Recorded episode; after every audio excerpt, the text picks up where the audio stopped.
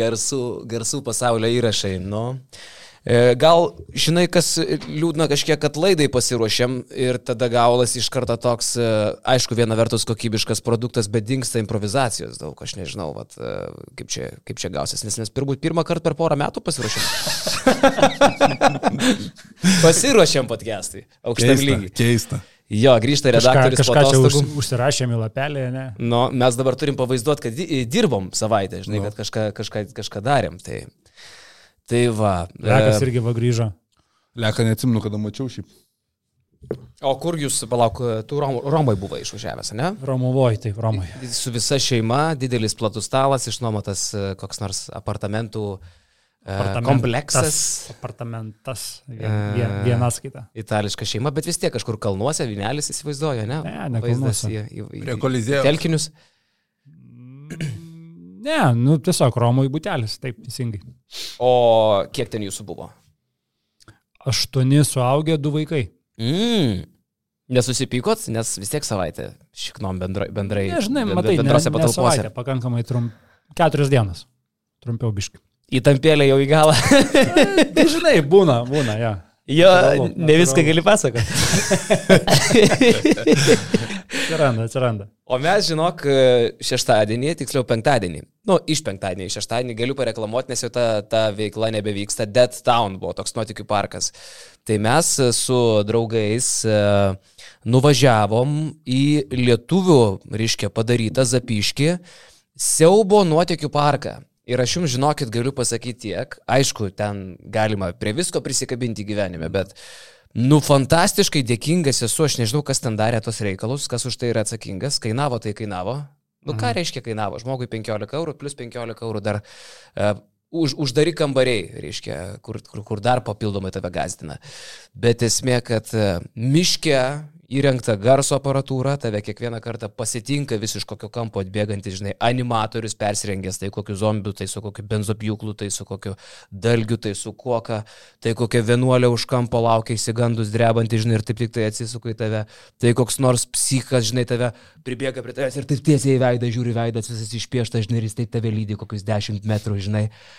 Ir aš taip pasididžiavau, kad lietuviai tokį reikalą gali padaryti.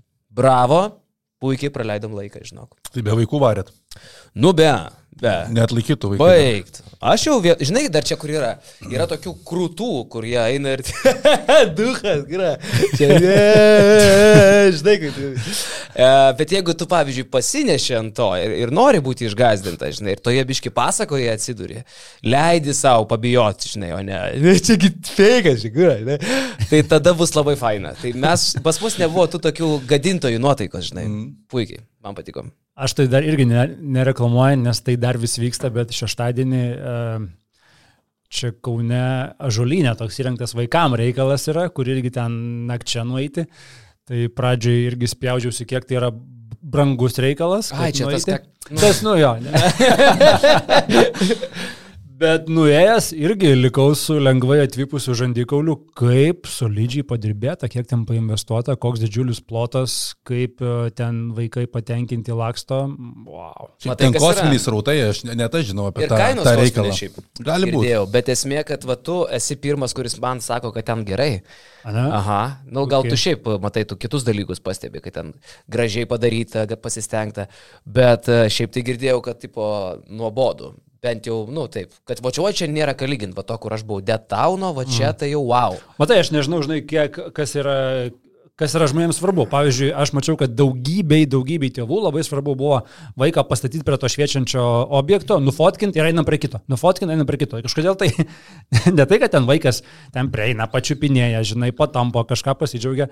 Ne, va, daugybei tėvų yra užfiksuota, kad Dabar net eilė, realiai išsi, išsi, išsirikiavo, žinai, eilė, atėjom prie vieno objekto, kur ten tipo, turbūt pelenės, ale pelenės karieta iš moliūgo, žinai, nu ten ne pelenės, mhm. bet ale kažkokia tai aluzija. Nu ir tą moliūgą ten tu gali įlipti, žinai, ir ten stovi tėvai su tais vaikais, žinai, visi eiliai tvarkingai ten laukia ten, kad nusifotkint, o, o mes paleidom tą savo dovį, žinai. Ir jisai, aišku, ten pirmų taikymų, žinai, į tą e, karietą įlipa, mes taip iš šono, žinai, žiūrim, nu kas dabar čia bus. Ir jau ten, ir tada vienas tėvas, Kieno čia vaikas? Grafikas buvo. Taip, žinai, nes ten visi tvarkingi laukia eiliai nusifotkinti, o čia kažkoks vienas užlindo, žinai, mulkis mažas. ja, ja, ja. Ir ten, žinai, jis ten... Tai tada Jonas pribėga, ten traukia iš to maliugo tą vaiką, žinai, nes, nu, Aš nežinau, sakau, jeigu tu ateini su tikslu nusifotkinti prie kiekvieno iš ten tų 145 objektų, tada taip, gal tikrai nelabai įdomu, bet aš mačiau, kad vaikui bent jau tokio amžiaus kaip, kaip mano tikrai patiko. Tarp kitko, kalbant apie tuos, e, kurie eina šitai per parkus, žinai, ir čia man čia neišgazinsi mane, žinai, dar tam animatoriui nori įvažiuoti vieną. Tai vakar, žinok, man labai patiko šitą eisena Žalgerio fanų Vilniui. Vienas, blem, aš nežinau, galim gal parodyti. Uh, Tikrai grėsmingai bičias eina. Matėt tą filmuką? Kur? Ir pačioj kairiai man dar šiandien gintarė per pusryčius, e, ko tu sakau čia žviegi, kas tau yra, ir man telefoną padoda ir iš tikrųjų, žinai, vienas bičiukas, toks kojytės kaip šakaliukai, bet jis, na, ten prie to, žinai, e, ten to žalgerio fanų. Kita vertus, žalgerio fanų vakar Vilniui buvo, kiek ten atvažiavę, apie tūkstantis. Jo. Tai čia yra, man atrodo, kad Lietuvos rekordas. Manyčiau. Ar yra kažkokių, tokių, kad organizuotų? Nu, bent jau Lietuvoje kelionėse, ne? ten, atsakė, Münchenė pernai gal daugiau mm -hmm. net buvo, ten apie porą tūkstančių. Jo, bet Lietuvoje pačioje tai jaučiu, kad rekordas. Nu, vakar reiškia ir aš taip net galvoju, kas čia, kuo čia tos rungtynės tokios ypatingos, kodėl čia tai buvo.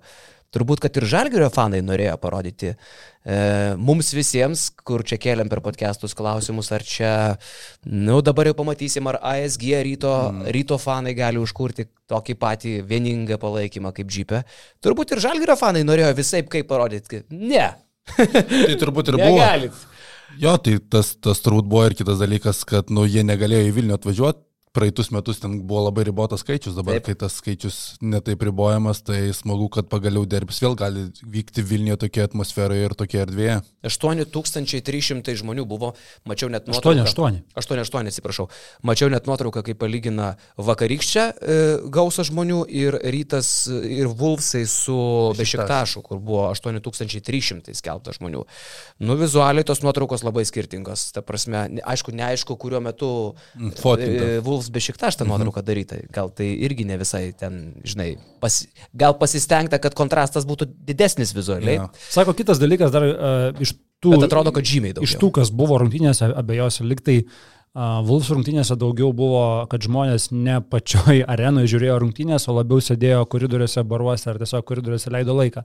Žinai, gal pirmą kartą atėjo, pavyzdžiui, į areną ir tiesiog nori pamatyti. Bet šiaip jo, dar ten tą nuotrauką pamačius, aš mačiau ir pas mus uh, Discordo čia buvo diskutuojama, kiek ten tų žiūrovų, tai man jau tada ten užmetų sakinų, sakiau, čia kokie 6 tūkstančiai, max, max 7, tikrai nedaugiau pagal tai, kas tai nuotraukai matėsi. Tai, mhm. Tai, tai ten tikrai buvo skaičius arba pagražintas, arba tiesiog, kaip sakote, padaryta nuotrauka kažkada, dar kada nebuvo visi atėję, arba daug kas sėdėjo bare. Užkulėsi jiems... palikti pleistekai, gali žaisti, ja. tai gal su pleistekais paražydė. Bet šiaip, bet šiaip kalbant, iš tikrųjų, Atmosfera turbūt čia buvo didžiausia tema rungtynių, nes rungtynės pačios kažkokio įspūdžio didžiulio nepaliko, čia labiau buvo vat, pažiūrėti, kaip atrodys šitoje arenoje ryto uh, fanų, uh, fanų palaikymas. Persikėlė B tribūną iš B tribūnos, dabar jau jie nebe B tribūna, ar ne, nes ta gale būdavo grinai B mhm. tribūna, pagal tai ir pavadinimas kyla. Galima nepataisyti, jeigu aš klystu ir nusišneku. Bet... Kaip dabar vadinasi 131 sektorius? Jo, o dabar jisai persikėlė ten e, netoli, netoli svečių suolo. Taip. Uh, santykis irgi, kas, kas buvo arenui, sako, nu galėjo būti maždaug 7-3, šiam 5-3-5, kažkas tokio, gal vėl kažkas pataisyti gali, bet, e, nu, ryto fanų turbūt buvo dvigubai daugiau negu žalgerio. Uh, įvertinus ne tik tai tuos fanus, kurie yra aktyvūs, bet apskritai žiūrovus, kurie palaiko kažkuria vieną komandą. Tai maždaug 4,5 prieš 2,5 tūkstančio, taip, ne kaip. Ne, daugiau, daugiau, labiau turbūt koksai... 5 tūkstančiai prieš 2,5. 6 ir 2,8, tarkim, ar ten 5, 8 ir 3, vat, turbūt kažkas tokio. Aha, aha. Tai nu galima sakyti, kad vis tiek į, į ASG atėjo turbūt 2,5 kartų daugiau žmonių negu, vien ryto fanų atėjo 2,5 kartų daugiau negu tilptų į, į džipą. Mhm.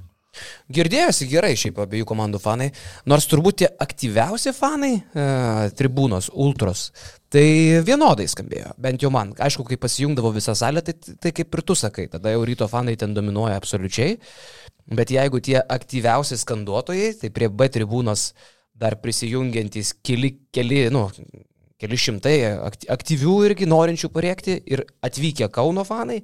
Tai taip skan, skanduočių tai triukšmas buvo panašus šiaip turbūt, nebuvo, kad išsiskirtų. Aš kai jau norėdavo žalgrio fanai, kad girdėtų jų Tai tada tas girdėdavosi, bet kai ryto fanai panorėdavo, kad girdėtų, tada irgi labai gerai girdėdavosi. Va čia irgi įdomi tema, mačiau šiandien atsiuntė kažkokį tai mailą, gavau žmogelis nufilmavęs, pritaginęs prie laiško tave, mane, info eta žalgeris LT Milašius eta LKL LT ir, inf, šitą, ir šitą info eta policija LT. Okay. Va, aš to okay. galiu parodyti, visi šitie ja. tagai yra neišgalvoti mano. Ir paklausė. Tai mes, mes esam vienam uh, sąraše su policija LT, ne? Su policija, su Milašius, Milašius. ir su Žalgiris LT. Milašius, šiek tiek žinai, egzistuojantis e-mailas. In, uh, Milašius eta LKL LT. Manau, kad pats sugalvoja čia žmogus ir tokį wow, pasižiūrim. Bet jeigu yra, Toks e-mailas, tai reikia kažką parašyti, palauk. LKLT. Bet klausimas buvo toksai, ar yra kažkoks Tomas Milašius, čia turbūt žaidėjas buvęs. Žodžiu, ar LKL e, lyga ir policija vertins skanduotės, tas vat, visas, gal, visa informacija prisektukė ir taip toliau. E, turbūt, kad vertins, vertina LKL. -as. O, o policija irgi vertina? O policija turbūt nevertina šito. Bet uh, bauduoja, man atrodo, bent jau įspėjimą buvo rytas gavęs, bet ten gavęs už Ambrazevičių, ar, ar iš, ir už tą Lietkabelis komandą Andonų. Gerai dirbi šiandien. Man atrodo, kad e, yra skanduotės vis tik tai vertintinos. Tai turbūt, kad vertins, bet vėl abipusės tos skanduotės yra, aš jau tiek prie to pripratau, kad aš nebematau problemų nei iš vienos, nei iš kitos pusės, man neskauda. Kad čia dabar įvertins. Manęs, pasikeis? jo, ta prasme, ateis kitos rungtynės, vėl tos skanduotės bus, man, man jų jau trūksta, jeigu jų nėra ir, ir aš tikrai nematau bėdos, kad ten jie viens kitam pasišpilkuoja. Tai... Toks yra jų gyvenimas fanų, taip jie tą mato, taip jie atvažiavę pas vienus bando prišikti prie durų, atvažiuoja kiti bando irgi ant sienos nupiešti kažką, palikti savo anspaudą, įspaudą, taip vieni kitus iškoliot nori ir viskas čia yra su tuo gerai. Mes tą darom dar pakankamai taikiai, civilizuotai, mes nenaudojam lazerių, mes nespjaudom žaidėjams į veidus, mes negrasinam krepšininkų tai žmonoms. Čia yra tas dalykas, kur turbūt reikia pasidžiaugti samoningumu, nes uh, girdėjau irgi tokią, uh, tokią nuomonę, kad uh, apsaugininkų šiaip arenui buvo labai mažai arba jų praktiškai nebuvo. Tai va, tai ir jeigu sako, čia visos bėdos yra skanduotės. Tai... Ir sako, čia va yra ta vieta, žinai, kur gerai, kad nieko neįvyko, gerai, kad uh, žmonės susivaldė nuo kažkokių tai kumščių svaidimo dalymosi, bet iš esmės sako, jeigu būtų kažkas tokio kilęs, vad kažkam būtų visgi paneštėję e, kumščiai, tai tai galėjo virsti masinius dalykus, nes labai daug tiesiog e, sergalių sėdėjo susimaišę, nebuvo, žinai, kad atskirti, čia yra tik tai svečių fanai, o čia visur kitur yra šeimininkų fanai. Labai daug buvo susimaišę ir sako, ir koridoriuose, ir tribūnose tikrai trūko elementarių apsaugininkų, kurie, jeigu kas, tvarką padarytų. Tai čia turbūt irgi ateičiai kažkokia pastaba, kad apie tai reikėtų pagalvoti, o nelaukti, kol atsitiks ir paskui kalbėti, o kitą kartą jau pasistengsim geriau. Tai apskritai smagu, kad mes tokį derbį vėl galim turėti. Jau kiek metų buvo tokių, kur tu į Žalgeris rytą žiūrėdavai pro pirštus, dabar reikia ir už Žalgerio fanams susirinkti, tūkstantis jau jie nebežiūri tą rytą pro pirštus, tas yra svarbu, vėl grįžti į tokią areną, pasikartosiu, apskritai tas fanatai yra sporto dalis ir, kaip sakau, labai gerai, kad čia viskas civilizuotai ganėtinai vyksta, kaip tik gali vykti. Ir man atrodo, kad ir ta atmosfera buvo iš abiejų pusių labai gera, čia nereikia kažkas lyginti. Pavyzdžiui, ryto, ryto fanai, tai man atrodo net viršėjo mano lūkesčius, kaip viskas atrodė, tas organizuotas palaikymas, ko aš tikėjausi persikelus į didesnį erdvę, kad tai išnyks, bet buvo ir atsistojus ilgą laiką arena ir lyginant kaip tos rungtynės klostėsi, tai nu, tikrai įspūdinga. Rytas visą laiką pralaiminėjo, pataikė tritaškius, gal 13 procentų tikslumu, bet tie fanai vis tiek skandavo, atsistoja ir nesvarbu kokia situacija, vis tiek tas triukšmas buvo. Tai man atrodo, dėl tos pusės tikrai galima pasidžiaugti, kokį turėjom derbį. Esminis dalykas tikrai, ką galima išskirti su paskutiniu kartu, kai rytas žaidė ASG ar Siemens'o buvusiam, matosi, kiek daugiau yra raudonos e, spalvos tribūnose. Tiesiog žmonės žymiai daugiau dabar perka turbūt ir atributikos, žymiai labiau didžiuojasi komanda, žymiai labiau ir nori pareikšti ir parodyti, kad jie tą komandą palaiko. Tai man irgi, žinai, kaip ir sakai, aš galvoju, aš tikėjausi, kad bus gerai, bet turbūt buvo dar geriau, o O Siemensas ar ASG irgi nekartą esu ir anksčiau minėjęs, kad iš, iš to triukšmo, iš atmosferos pusės šiaip tai yra garsesnė arena negu Žalgerio arena, nes nėra mažesnė ir žmonės sukuria didesnį triukšmą joje. Šiaip daug dalykų pasikeitė nuo to paskutinio karto, kada rytas buvo žaidęs ASG, buvo tai pirmas LKL finalo serijos sutikimas su Lietkabeliu. Ten buvo, man atrodo, apie 6000 žiūrovų ir nuo to laiko rytas tapo LKL čempionu atsirado prieš priešą kitą Vilniui Wolves, tai man atrodo dar labiau sutelkė tos visus fanus. Nu ir rytas tiesiog konkurencingas, stabilus tapo per tuos porą sezonų, tai viskas susideda ir į tą palaikymo kultūrą. Vat vienas žalgiriuko fanas dar vakar man parašė, aš, jisai aišku ne iš GVB, jisai apskritai, man atrodo, net ne iš Kauno yra kilęs, bet jisai nu, visą laiką čia rašinėdavo apie žalgirišką ir jisai tokį dėjo. E, Žalgirio GVB reikia pasistengti iki B tribūnos. Aišku, čia primityvų, čia senos temos ir bla bla bla, bet bet kuriu atveju dar kartą toks akcentėlis, žinai. Gauna visą grajų 38-39 minutės B tribūna dominuoja. Nu, tipo, iš 40 minučių. Iš tikrųjų, tai rytas, e, vat, kas, kas bebūtų, ką Gedrius Žibėnas nuveikė šitoj organizacijai, su Zavasku, su visais kitais, tai A, laimėjo LKL, o B, iš tikrųjų pažadino Vilnių ir vėl tą, tą seną gerą Vilnietį arba jau jauną, inovatyvų Vilnietį labai ne, nemažai yra pasijungusių, o tie ir pasijungia ir seniau buvę, jie dar ir keičia fanų kultūrą apskritai Lietuvoje. Į klausimą, ar atsistos ASG arenoje jie taip pat komfortiškai kaip Jeep arenoje, jie praktiškai atsakė. Atsakymas yra beveik. E, ir tas yra labai svarbu. Beveik tai taip, ne taip dažnai Ne taip galbūt komfortiškai, ne taip užtikrintai. Kita vertus ir rezultatas neleido stovėti visų rungtynių metu, ne? Kai tu mhm. dominuoji, kai tu dėlioji, kai tu pirmauji arba eini taškas į tašką prieš žalgyrį, galbūt e, geriau atsistotų ir, ir, ir, ir smagiau stovėtųsi ten visiems, ne, e, skanduoti. Bet tai yra pirmas kartas, manau, Lietuvoje arba po labai ilgos pertraukos mes vėl tą matom kai žmonės saliai leidžia savo daugiau nei tik sėdėti ir tik paploti. Ir kalbu jau aišku ne apie fanus, kalbu apie visus žiūrovus arenoje. Tai manau, kad Rytas turi unikalią galimybę tapti pirmąją organizaciją Lietuvoje, kur žmonės iš tikrųjų elgesi jau ir pietietiškai. Stojasi ir stojasi drąsiai ir nebijo, kad kažkam užstos vaizdą, o tas, kuriam užstojo, ne, nedara taip. Sėsk, nu sėsk, nu, kur, kur aš iš vis to nesuprantu, ką tu čia veiki tada, jeigu aš tau trukdau, atsistojęs. Ai, sėdim, sorry. Rytas rytas gali nueiti ten, kur mes nebuvę su šitais žiūrovais. Ir parodyti pavyzdį Kaunui, beje, jau tą sėkmingai, aš kaip kaunietis, kaip Kauno miesto patriotas tą sakau, gaunam į vieną kasą ir be jokių prošvaišių kol kas.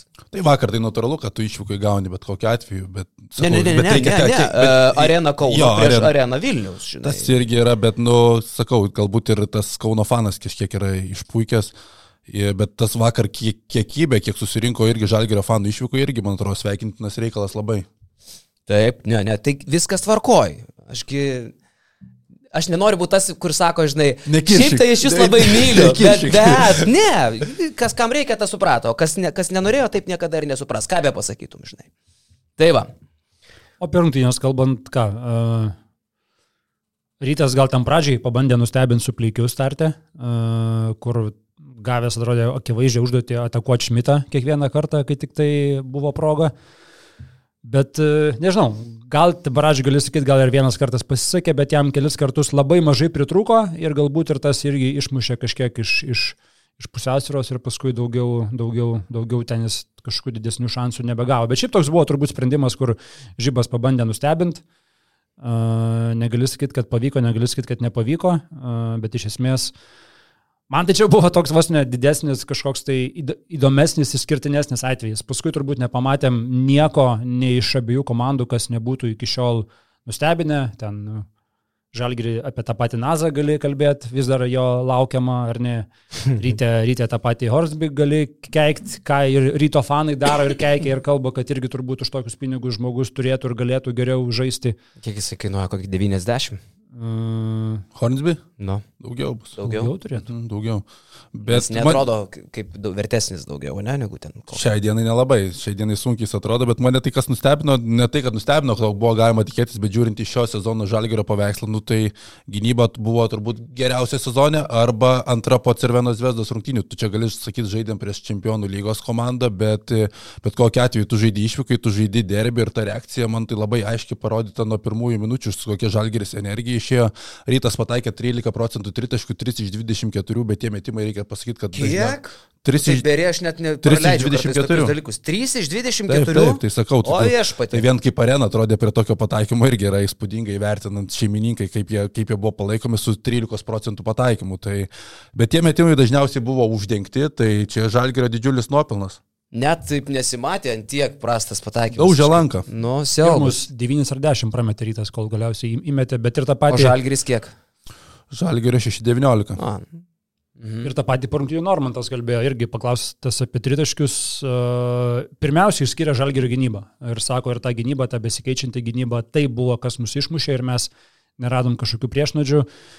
Aišku, pasakė, mes viso labo valandą ilgiau turėjom laiko ESG negu žalgeris, bet ir pas iškart pabrėžė, kad yra tik pasteisinimas, kuris ne apie tai, visgi žalgerio gynybai jis dar kartą pakartojo, kad tai buvo tas dalykas, kuris daugiausiai prisidėjo prie tokio procento. Bet dar pridėsiu, čia turbūt buvo puikus pavyzdys, koks turėtų būti žalgerio veidas šį sezoną ir kaip reikia kontroliuoti rungtynės. Tik tais nuo gynybos žalgeris gali kontroliuoti jas Eurolygoje nes, nu, polime matėme praeitą savaitę, už praeitą savaitę, kad tų polimų su Žalgerio Eurolygoje neturėsi šansų.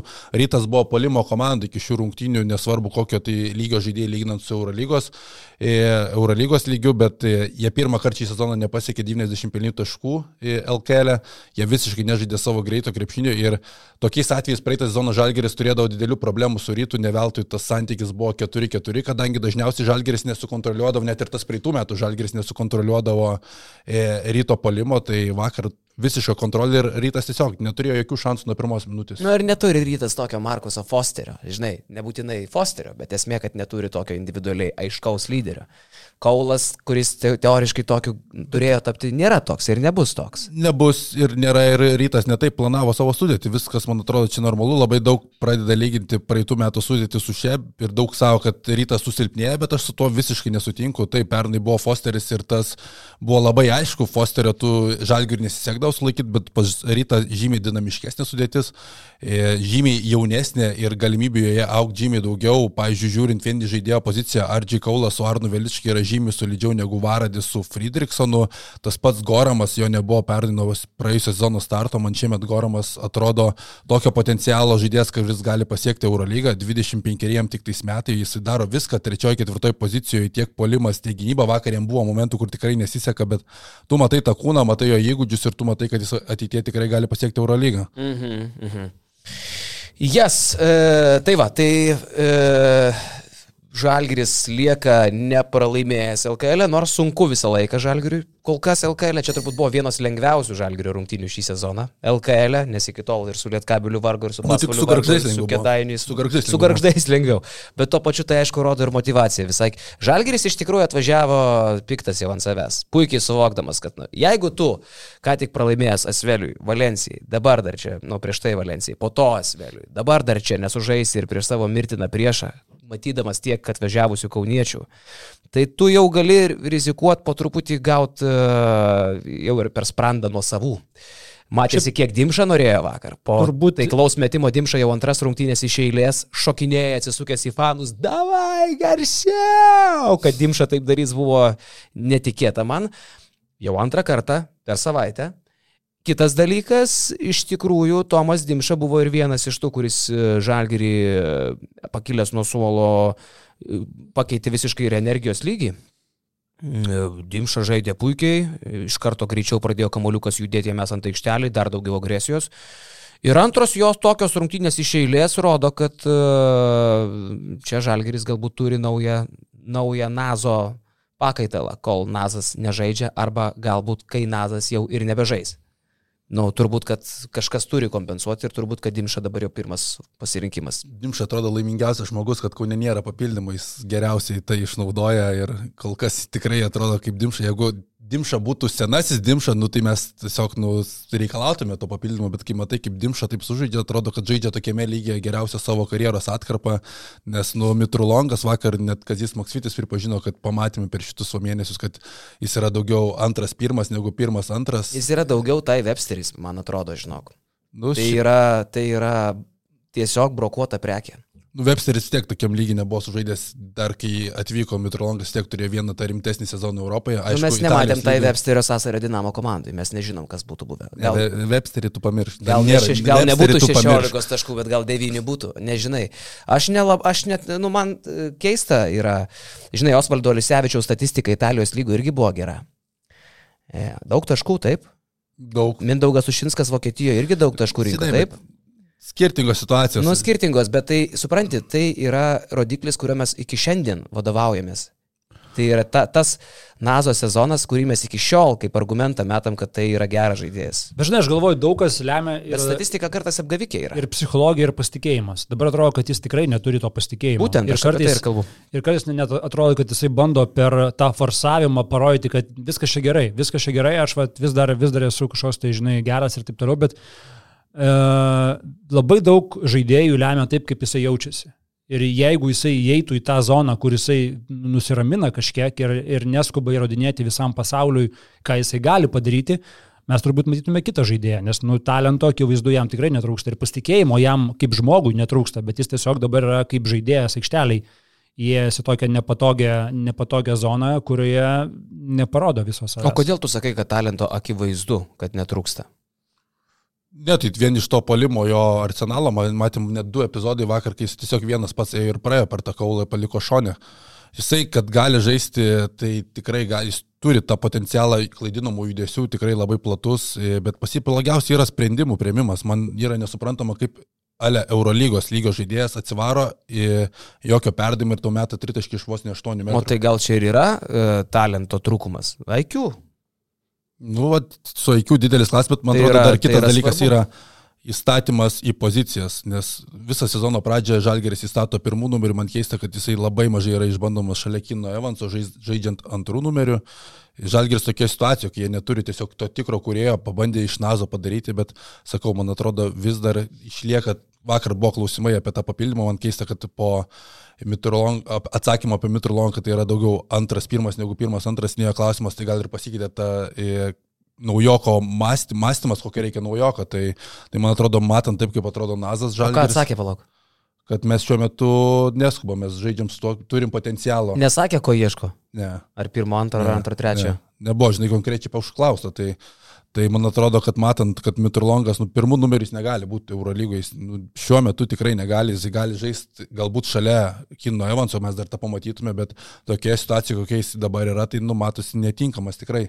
Klausykit, gal atvieskim, vyrukai. E, pakalbėkim geriau apie pinigus, bičiuliai. Pakalbėkime apie pinigus, pakalbėkime apie profitus, apie didžiausią investavimo platformą Lietuvoje. Pakalbėkim. E, painvestuokim, padėkim pinigų. Girdėjau, kad mūsų kai kurie žiūrovai po praeitos laidos maksimaliai greitai norėjo įdarbinti savo pinigus, nerado kaip juos padėti į profitus su mūsų nuolaidos kodu. Tiksliau, ne nuolaidos, o premijos kodu. Nes, brangų žiūrovai, jūs esat nepastabus. Kodas yra Basket News brūkšnelis 25. Tie, kurie vedėt Basket News 25, automatiškai negavot profitus e, premijos. Taip kad e, pasidarykit išvadas. Mm. Basket News brūkšnelis 25, toks yra mūsų kodas profitus platformoje, profitus LT, rizikuoti arba investuoti, nes, nu, vis tiek, investicija visą laiką yra tam tikra rizika, kad ir pamatuota. Tai investuoti mūsų partnerio profitus LT platformoje galite nuo 100 eurų, o metinė vidutinė investitorių graža siekia 10 ir daugiau procentų, 10,26 jeigu visiškai tiksliai, tai yra įspūdingas vidurkis, aišku reikia suvokti, kad tai yra vidurkis. Nuo 5 iki 15 gali būti, mm. nuo, nuo, nuo, nuo 2 iki 22, nežinau kaip dar čia vidurkį išlankstyti. Va, o per paskutinius penkerius, atrodo, metus, berots nuo 2018, investitoriams sugrįžo 7 milijonai eurų jau. Tai yra nu, kosmiškai daug. Ir man atrodo, kad e, šiais laikais jau neatsiranda tokių kaip aš, kurie niekur nededa, kaupia koiniai ir e, sąskaitoj ir tiesiog laukia, kol kažkas sugalvos už jį, ką daryti su tais keliais Tai ką, eurais. Lietuvoje yra problema su finansiniu raštingumu mokyklose, čia nuo to turbūt reikėtų pradėti. Ir profitus, tarp kitko, to užsiminėja, jie tokius asilus kaip aš edukuoja. Tai va aš po truputį vis brandinu, kas kartą reklamuodamas profitus idėją, a, nesigailėt, kai infliacija suės mano ir mano vaikų pinigus. Ir iš tikrųjų, kad būtų absoliučiai aišku, tai paprasčiausia yra nueiti profitus.lt.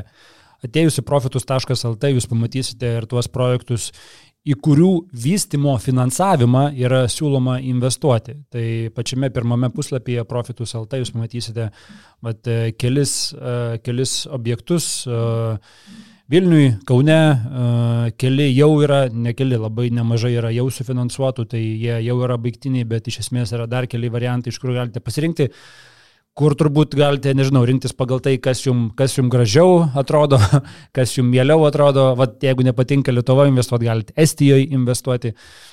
Tai sakau, paprasčiausia ir elementariausia informacija yra būtent profitus.lt, e, kur, kur tie projektai, į kurių e, vystimo finansavimą ir galite investuoti nuo, nuo 100 eurų.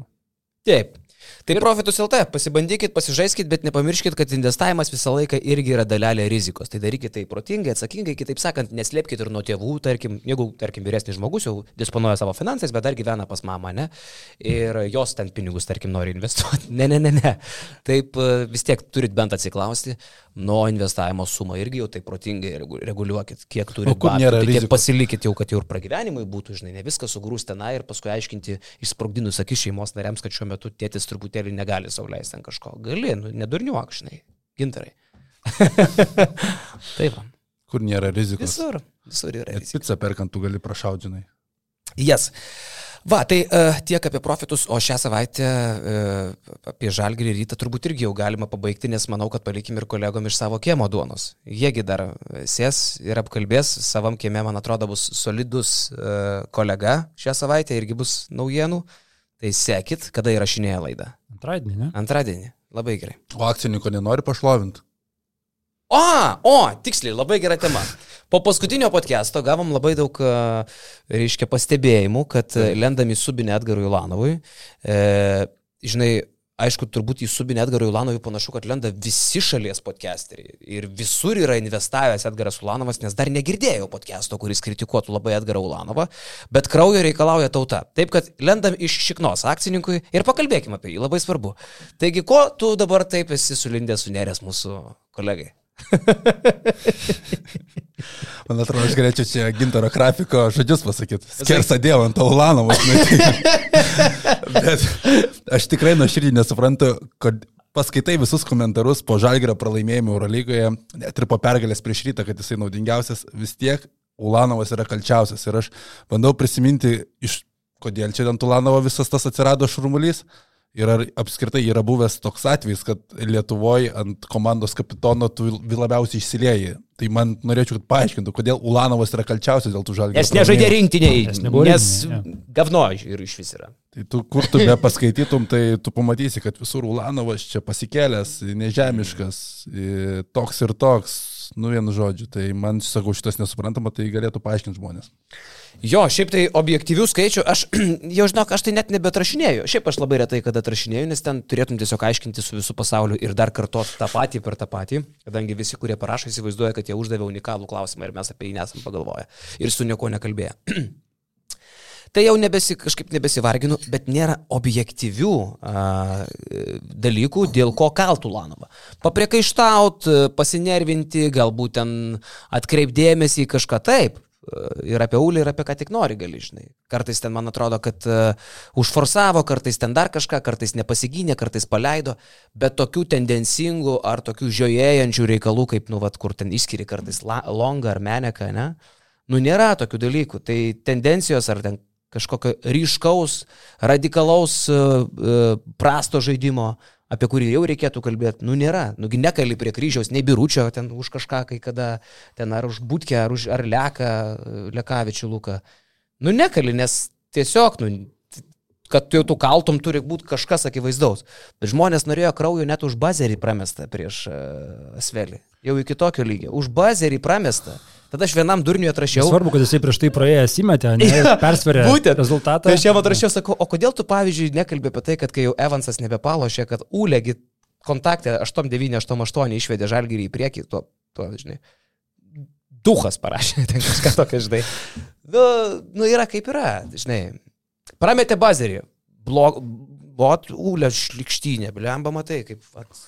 Nu, taip apskritai, tai buvo čia bloga atkarpa žalgeriui, tai natūralu, kad, nu, ir Ulanovas galbūt nežadėtų savo geriausio krepšinio, bet, nu, tai čia savaitė dvi, bet, nu, jeigu jisai žaistų taip prastai, e, tie gynyboje, kaip čia visi sako, kad čia jis nebesigina, čia polimi iš viso niekas, nu, tai, nu, Kazis Maksvytis, Evaldas Beržininkaitis, Gintaras Karapikas, Tautvidas Sabonis.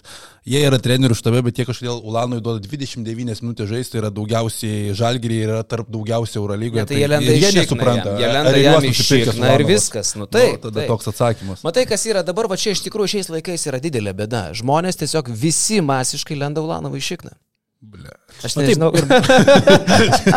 Ir blogiausia, kad žinai, kad pats Ulanovas atgal nelenda į šikną. Nu, užtektų, va, jį, jį gal reikia pamokyti, mes vis tiek turim social medijoje, žinai, žmonių, kurie supranta social mediją. Jį reikia pamokyti, kad reikia įsikelt postuką gražų, žinai, žalio baltą, va, nuotraukyčių tokių, žinai, padaryti, kad čia, žinai, širdutės.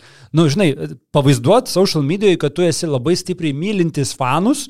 Vat pakalbėti dar po rungtynių. Nepamiršk padėkoti būtinai fanam po rungtynių, kas yra irgi būtina, jeigu tu nori patikti fanam. Šiaip dar yra variantas numeris vieną tyliausių arenų Lietuvoje, vieną tyliausių arenų Lietuvoje pavadinti geriausią. Ką esu matęs? Gianmarko galėtų patart, kaip, ta, kaip tas darosi. Jo, Žinai. jo, jo, tai va, ties- tiesiog, nu, žinai, va čia mes gal irgi kaip, žinai, kaip... Ne, ne Lietuvoje. Žalgirio arena viena tyliausių Eurolygoje galbūt. Ne, Nu, ne. ne viena telias, nu, čia perspaudėtų irgi, nu, žinai, nu, tikrai nėra tai blogai. Ar Žalgirio arena patenka į top 10 triukšmingiausių arenų? Be konkurencijos. O top 5? Penki klausimas. Na nu, gerai, aš, aš gal irgi šaržuoju. Nu, Šaržuoju, šaržuoju, šaržuoju. stipriai šaržuoju. Aikti, bet tai čia, žinok, tu gali net atmetimo būdu pasižiūrėti. Realas paskutinė vieta, Barcelona, ne arena, Virtusas, tylu. Nu ne. Toj mažyti, bet toj didesnėje. Aš nežinau, toj paladozoje tai ten fantastika buvo. Ai, Krepžda, krepžda, dabar toj naujo irgi krepžda. Girdisi, bet, nu, Aš tikrai nežinau, nėra. Bet, ne, bet Žalgirio arena aukštesnė lygiai. Ne, ne, ne, nu aš šaržuoju, aš turiu menį galbūt tą palaikymo kultūrą pačią, žinai, e, kad ten triukšmas, nu tai aišku, 15 tūkstančių, ypatingai likus porai minučių su, sukrūta, wow, dar ir kaip, kada jau ten įtampa ar dar kažkas tai. Bet e, kad tai yra ten, e, kad paladozai virtusios žymiai triukšmingiau, žymiai energingiau ir žymiai geriau, tai čia be faktų. Aš sakyčiau, kad Be garsiau. faktų sakau, be klausimų. Belgradas, į Perėjus gal šiais laikais, Tel Avivas. Kurio nebeliko, laikais. jo. Jo. Tai viskas. Nu, Feneris dar. Nu, Feneris. tai ir virtusios. Nu, tai ta prasme, Virtus to naujoji salė ten daugybė tuščių vietų, jie net, jie net salės neužpildo. Čia yra pirmas dalykas, tu turi salę užpildyti, kad Mm. mm. tą atmosferą sukurtų, jie net neužpildo jos. Nu kokia ketvirta, ketvirta, penkta turbūt būtų arena, ne? Žalgirio, jeigu tai primtai išnekant. Penketukė, manau, penktą vietą jo. tikrai. Taip pat lėkščiau išvardinti jo, abu du Belgrado klubai, Jo. Feneris ir, ir, ir, ir, ir, ir Oli. Jo. Bet šiaip jo, tiesiog, e, žinai, žmonės yra linkę vertinti kitus žmonės pagal tai, ką jie uh, vat, mato kažkur viešoje erdvėje, žinai, ar ten kažkokį tai interviu pamato, kur ten, žinai, gal Ulė savo uh, tokių, žinai, žemių parduotų balsų kiekvieną kartą kalba. Nu, tiesiog vieni moka save parduoti, kiti nemoka. Vieniem reikia save parduoti, kitiem nereikia. Tai Ulanovas nei moka parduoti, nei jis nori save parduoti. Jam, jam nesvarbu. Tiesiog. Gerai, dabar dar šiek tiek apie fanus. E, bent jau to, ką, ką lyginam e, atmosferas ir kokybę. Pirėjus, Palieki šitą. Nepalieki Pirėjus. šitą klausimą. Nepalyginsi Olimpijakos. Ką, taikos ir draugystės blogiau? Šiemet, kai parsiduoda bilietus, taip. Nu gerai, imam, imam konkrečiai. Pernai jie turėdavo problemų dar tą savo Mes sąlygą. irgi esam turėję problemų ir kai neturi, aš imu tiesiog va, tokią dabartinę situaciją, ką matau. Makabis, neimam, kad čia dabar va, kažkas, neimam bendrai, lyginam Eurolygos grandus. Feneris, blogiau Stambulė negu Kaune. Vėlgi, jeigu užsipildo. Nu, jei, nu, ir pas mus, jeigu užsipildo, ne? E, Anadolu, ne. ne? Ne, ne. Gerai, tai palieku Feneris. E, Cervena, Okay. taip. Partizan, Okay. taip. E, man, ir, man ir Virtusas. Ne. Aš mačiau ir Virtuso paskutinės rungtynės. Aš šiaip, žinok, pasižiūriu tą Eurolygą. Ne, Man ir Virtusas. Nu, aš tau sakau, ką aš mačiau. Nu, tai, tai tada tu gali ir Barsą traukžinai. Barsas toj salytė irgi ten jie užsikūrė gerai. Ir, prasme, ir ten va tie irgi tos ultros, aš nežinau, aš nesakyčiau, Barsos ultras palyginčiau su Žalgirio ultrom. Nes nu, tai jeigu, jeigu užsikūrė gerai, tai tada kas... Bet matai, Virtus, jie pernai žaidė visą sezoną, tai savo dėlė arenai vidurkis buvo 6,5 tūkstančio. Tai tu negali vertinti kaip geriau, gersiau negu Žalgirio, nes tai yra daugiau negu dvigubai mažiau. Nu, fanų. mes aišku vėl sudėtingus dalykus E, lyginsim, e, ar organizuotas palaikymas tų geresnis, ar tų, ar ten salė didesnė, ar ne, ar, ar ten žmonių daugiau ar mažiau. Nežinau, jeigu neužpildai 95 procentų salės, aš net nekalbu apie tave šitą, šitą diskusiją. Visų pirma, užpildyk 95. O ką Virtusas neužpildo?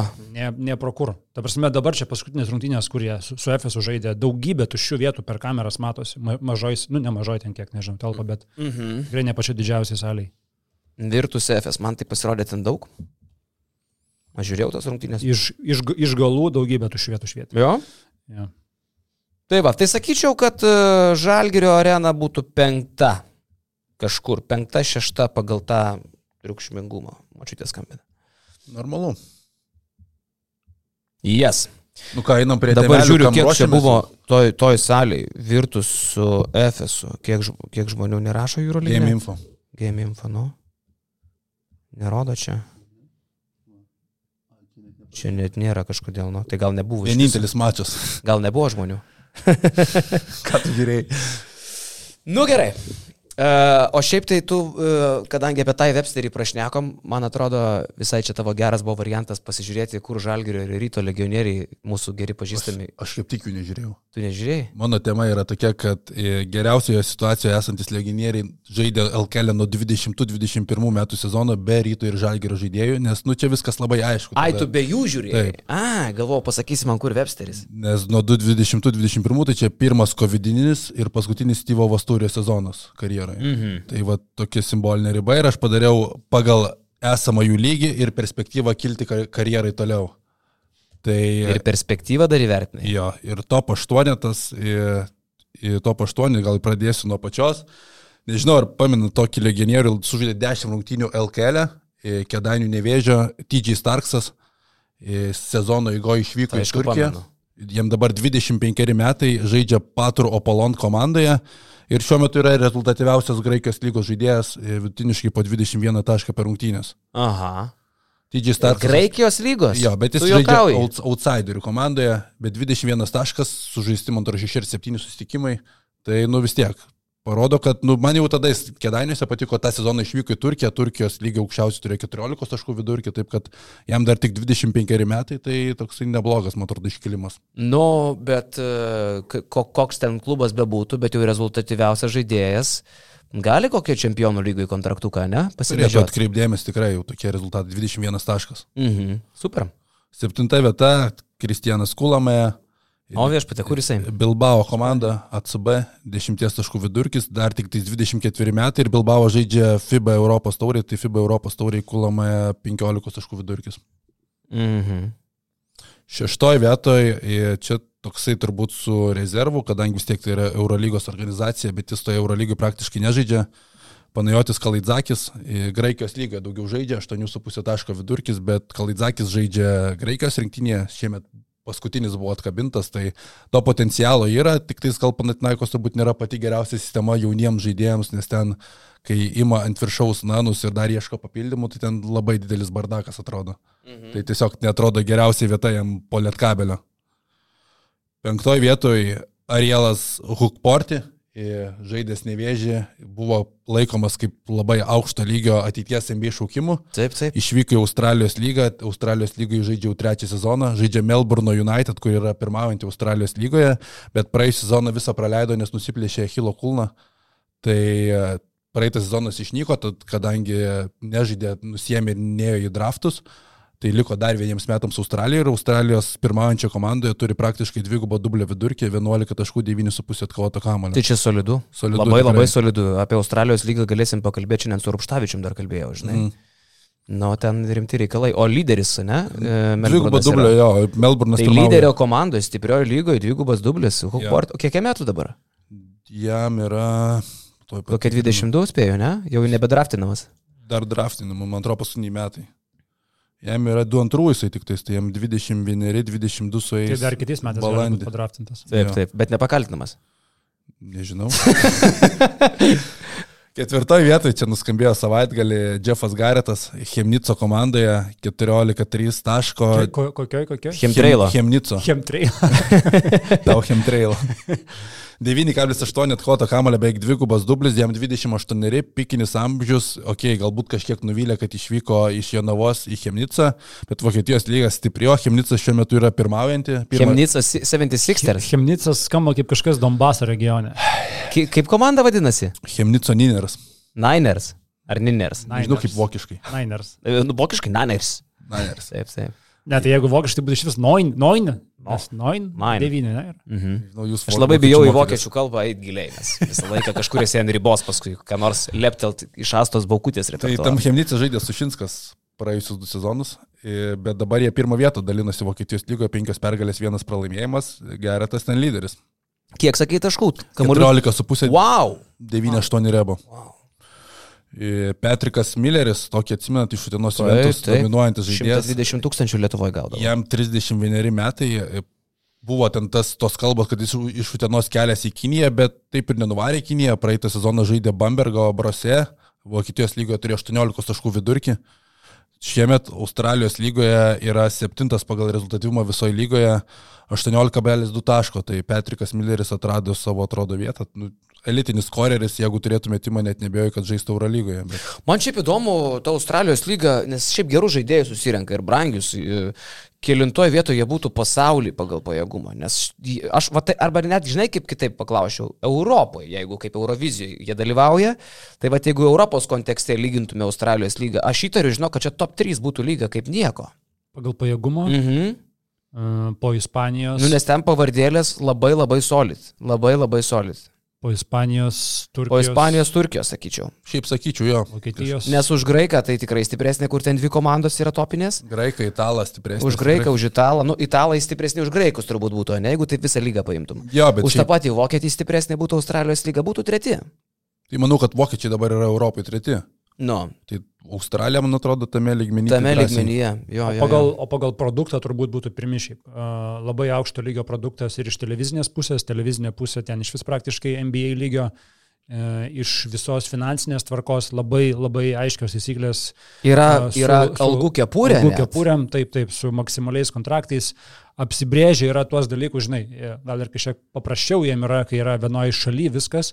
Nu, kai okay, Zelandijos viena komanda Maro žaidžia, tai, nu gerai, dvi šalis, bet iš esmės e, NBA modelių pasidarė labai tvarkinga ir e, tai, kas domina ir NBA žaidėjus investuoti į tuos klubus, nes ten yra aiški labai tvarka. Ir jauni žaidėjai išvyksta irgi, kas nori draftuotis, tai Australijos lygas sako, kad labai gera terpinis, labai stebima yra MBA skautų. Mhm. Ir gyvenimo lygis, žinai, kur tu, kur tu gyveni, tai visi Australijos topiniai miestai, nu, jie yra vien- vieni geriausių pasaulyje gyventi miestų. Ta Šiaip pati Lydija Rasutis, kiek metų ten gyvenus, ar ne? aš jau čia Kas nežinau. yra?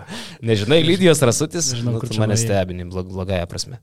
Lydija Rasitis žinių vedė, ar ne? Lydija Rasutis yra moteris tiesiog. Amerikos lietuvė. Ai, gal Amerikoje negyvena. Nors kažkaip man užstrigo, kad Australija. Ištekėjusi augina dvi dukras Lydija Rasutis, Amerikos lietuvė, kulinarė laidų vedėja. Kaubojų pamilusi Lydija. Geras nuokrypis, gerai. nu, nesvarbu. Čia buvo kelinta vieta. Čia antra? buvo trečia vieta. Trečia. Antroje vietoje Glinas Watsonas, dar vienas Jonavos legionierius, žaidžia Čempionų lygos čempionėje, Bonos komandoje, bet visa Bona išvažiavo praeitą vasarą į Paryžių. Persikėlė tiesiog. Tai Glinas Watsonas dabar yra pagrindinis ten žaidėjas, 13 taškų, 4,5 asisto vidurkis, tai tokioj tekmėje, kur labai irgi žiūrima komanda, Bona eilę metų yra sukūrus gerą struktūrą, jam tik tais 26 metai, tai Glinas Watsonas, nu pernai matėme, ką jisai sugeba, tai ir dabar Vokietijos lygoje nepražuvęs, tai man atrodo solidu, nuo pirmoji vietoje tai... O, o Bona e, čempionų lygui? Čempionų lygų, man atrodo, tik tais du mačius sužaidus, ten net neėmiau tos tikmės, bet irgi apie dviženklės rezultatyvumus. Nes buvo. šiaip visiškai nestebina Glynas Watsonas. Man tai net keista atrodė, kad e, Watsonas yra... Nu, Watsonas tai skaityk čempionų lygoje gavo kontraktą, tai viskas normaliai. Bet kad uh, Jeffas Geretas nenuėjo į Euro, Euro taurę, ne? Ar... Bet man atrodo, šitas sezonas ir viskas, nu, tokius Na. vidurkius sudemonstruoja Vokietijos lygoje, jau čia ne LKL, žinai, čia jau pradės. Jo, nes atsimenu, kai pamačiau social medijoje pas mus, kad Jeffas Geretas, čia kur jau spėliojom, kur čia jisai žais, nueina į Chemnico Niners kai Huskičiaus ten irgi jau matuoji marškinėlius kokio Europos taurė čempionų lygoje, nuėjo vėl nežino kur. Šonas Freemanas antrojo Italijos lygoje. Nu, Watsonas irgi čia atrodė, nu, bet Watsonas geriausiai turbūt iš visų. Žinai, čia Keiveris, kur čia gali prisiminti tą patį geretą, nu jo pasirinkimo motyvai kartais būna. Mm, galbūt ne visiems suprantami. Atsiminkim, jisgi pernai turėjo variantą išeiti Vulfs už didesnius pinigus, ne? bet pasiliko Janolo, nes sako, man čia patinka pasvirgi žaisti. Tai gal... Tai galėjo pasilikti. Nežinau, gal, gal jam, aš nežinau, kas jo agentas, žinai, gal, gal, gal agentas irgi neturi pakankamai svorio ten pasik, kad įtikintų, kad visgi pinigus imk, kol gali imti, nes nežinia, kiek tu juos galėsi imti. Gal, gal ir taip. Nu ir ką, pirmoji vietoje sezoną pradėjo su traumelė, bet man atrodo, čia labiausiai vertinau jo perspektyvą pakilti. Tai pirmoji vietoje Ostinas Vailiai. Pernai, oh, pernai Neptūno centras, jam tik 24 metai. Turkijoje, ne? Ursos Tofaš, irgi solidi organizacija ir sužaidė du mačius Turkijos lygoje ir vieną čempionų lygoje, nes dėl traumos negalėjo startuoti, bet vakar prieš Fenerbakčią Eurolygos, Eurolygos komandą, solidžią Eurolygos komandą, Vailiai surinko 18 taškų ir atkovojo 14 kamolių. O bendras vidurkis jo dabar yra 17,5 taškų ir 10 atkovotų kamolių. Tai Ostinas Vailiai, man atrodo, didžioji problema jo buvo traumos praeitą sezoną Neptūne. Jeigu jisai sugebės pasidaryti tokią karjerą, pasidaryti tokį kūną, kad jisai nelūštų, tai, nu, tai yra Eurolygos potencialo žaidėjas. Nu va, o bet kai praeitais metais kažkas pasakydavo, kad čia Eurolygos potencialo žaidėjas, atrodydavo dar keistai, bet jau kai Turkijos lygoje. Dvigubas dublis ir dar toks 17, 18, 18, 18, 14. Jo, 18, 14. Čia yra, čia yra, o per kiek rungtinių? Tai vakar prieš Fenerį jis tiek surinko 18-14, bendras viršus 17-10, bet prieš kiek rungtinių? Per kiek? Tris. Per tris. Mhm. Nu tai dar tie skaičiai gal pamažės kažkiek. Nu jo, bet vis tiek, kad tu išsiskiri taip, nes nesvarbu, kad turėjai ir traumelę, tai, nu, sako nemažai, ypatingai Bursos Tofa, aš sakau, solidi komanda ir čempionų lygoje žaidžianti. Mhm.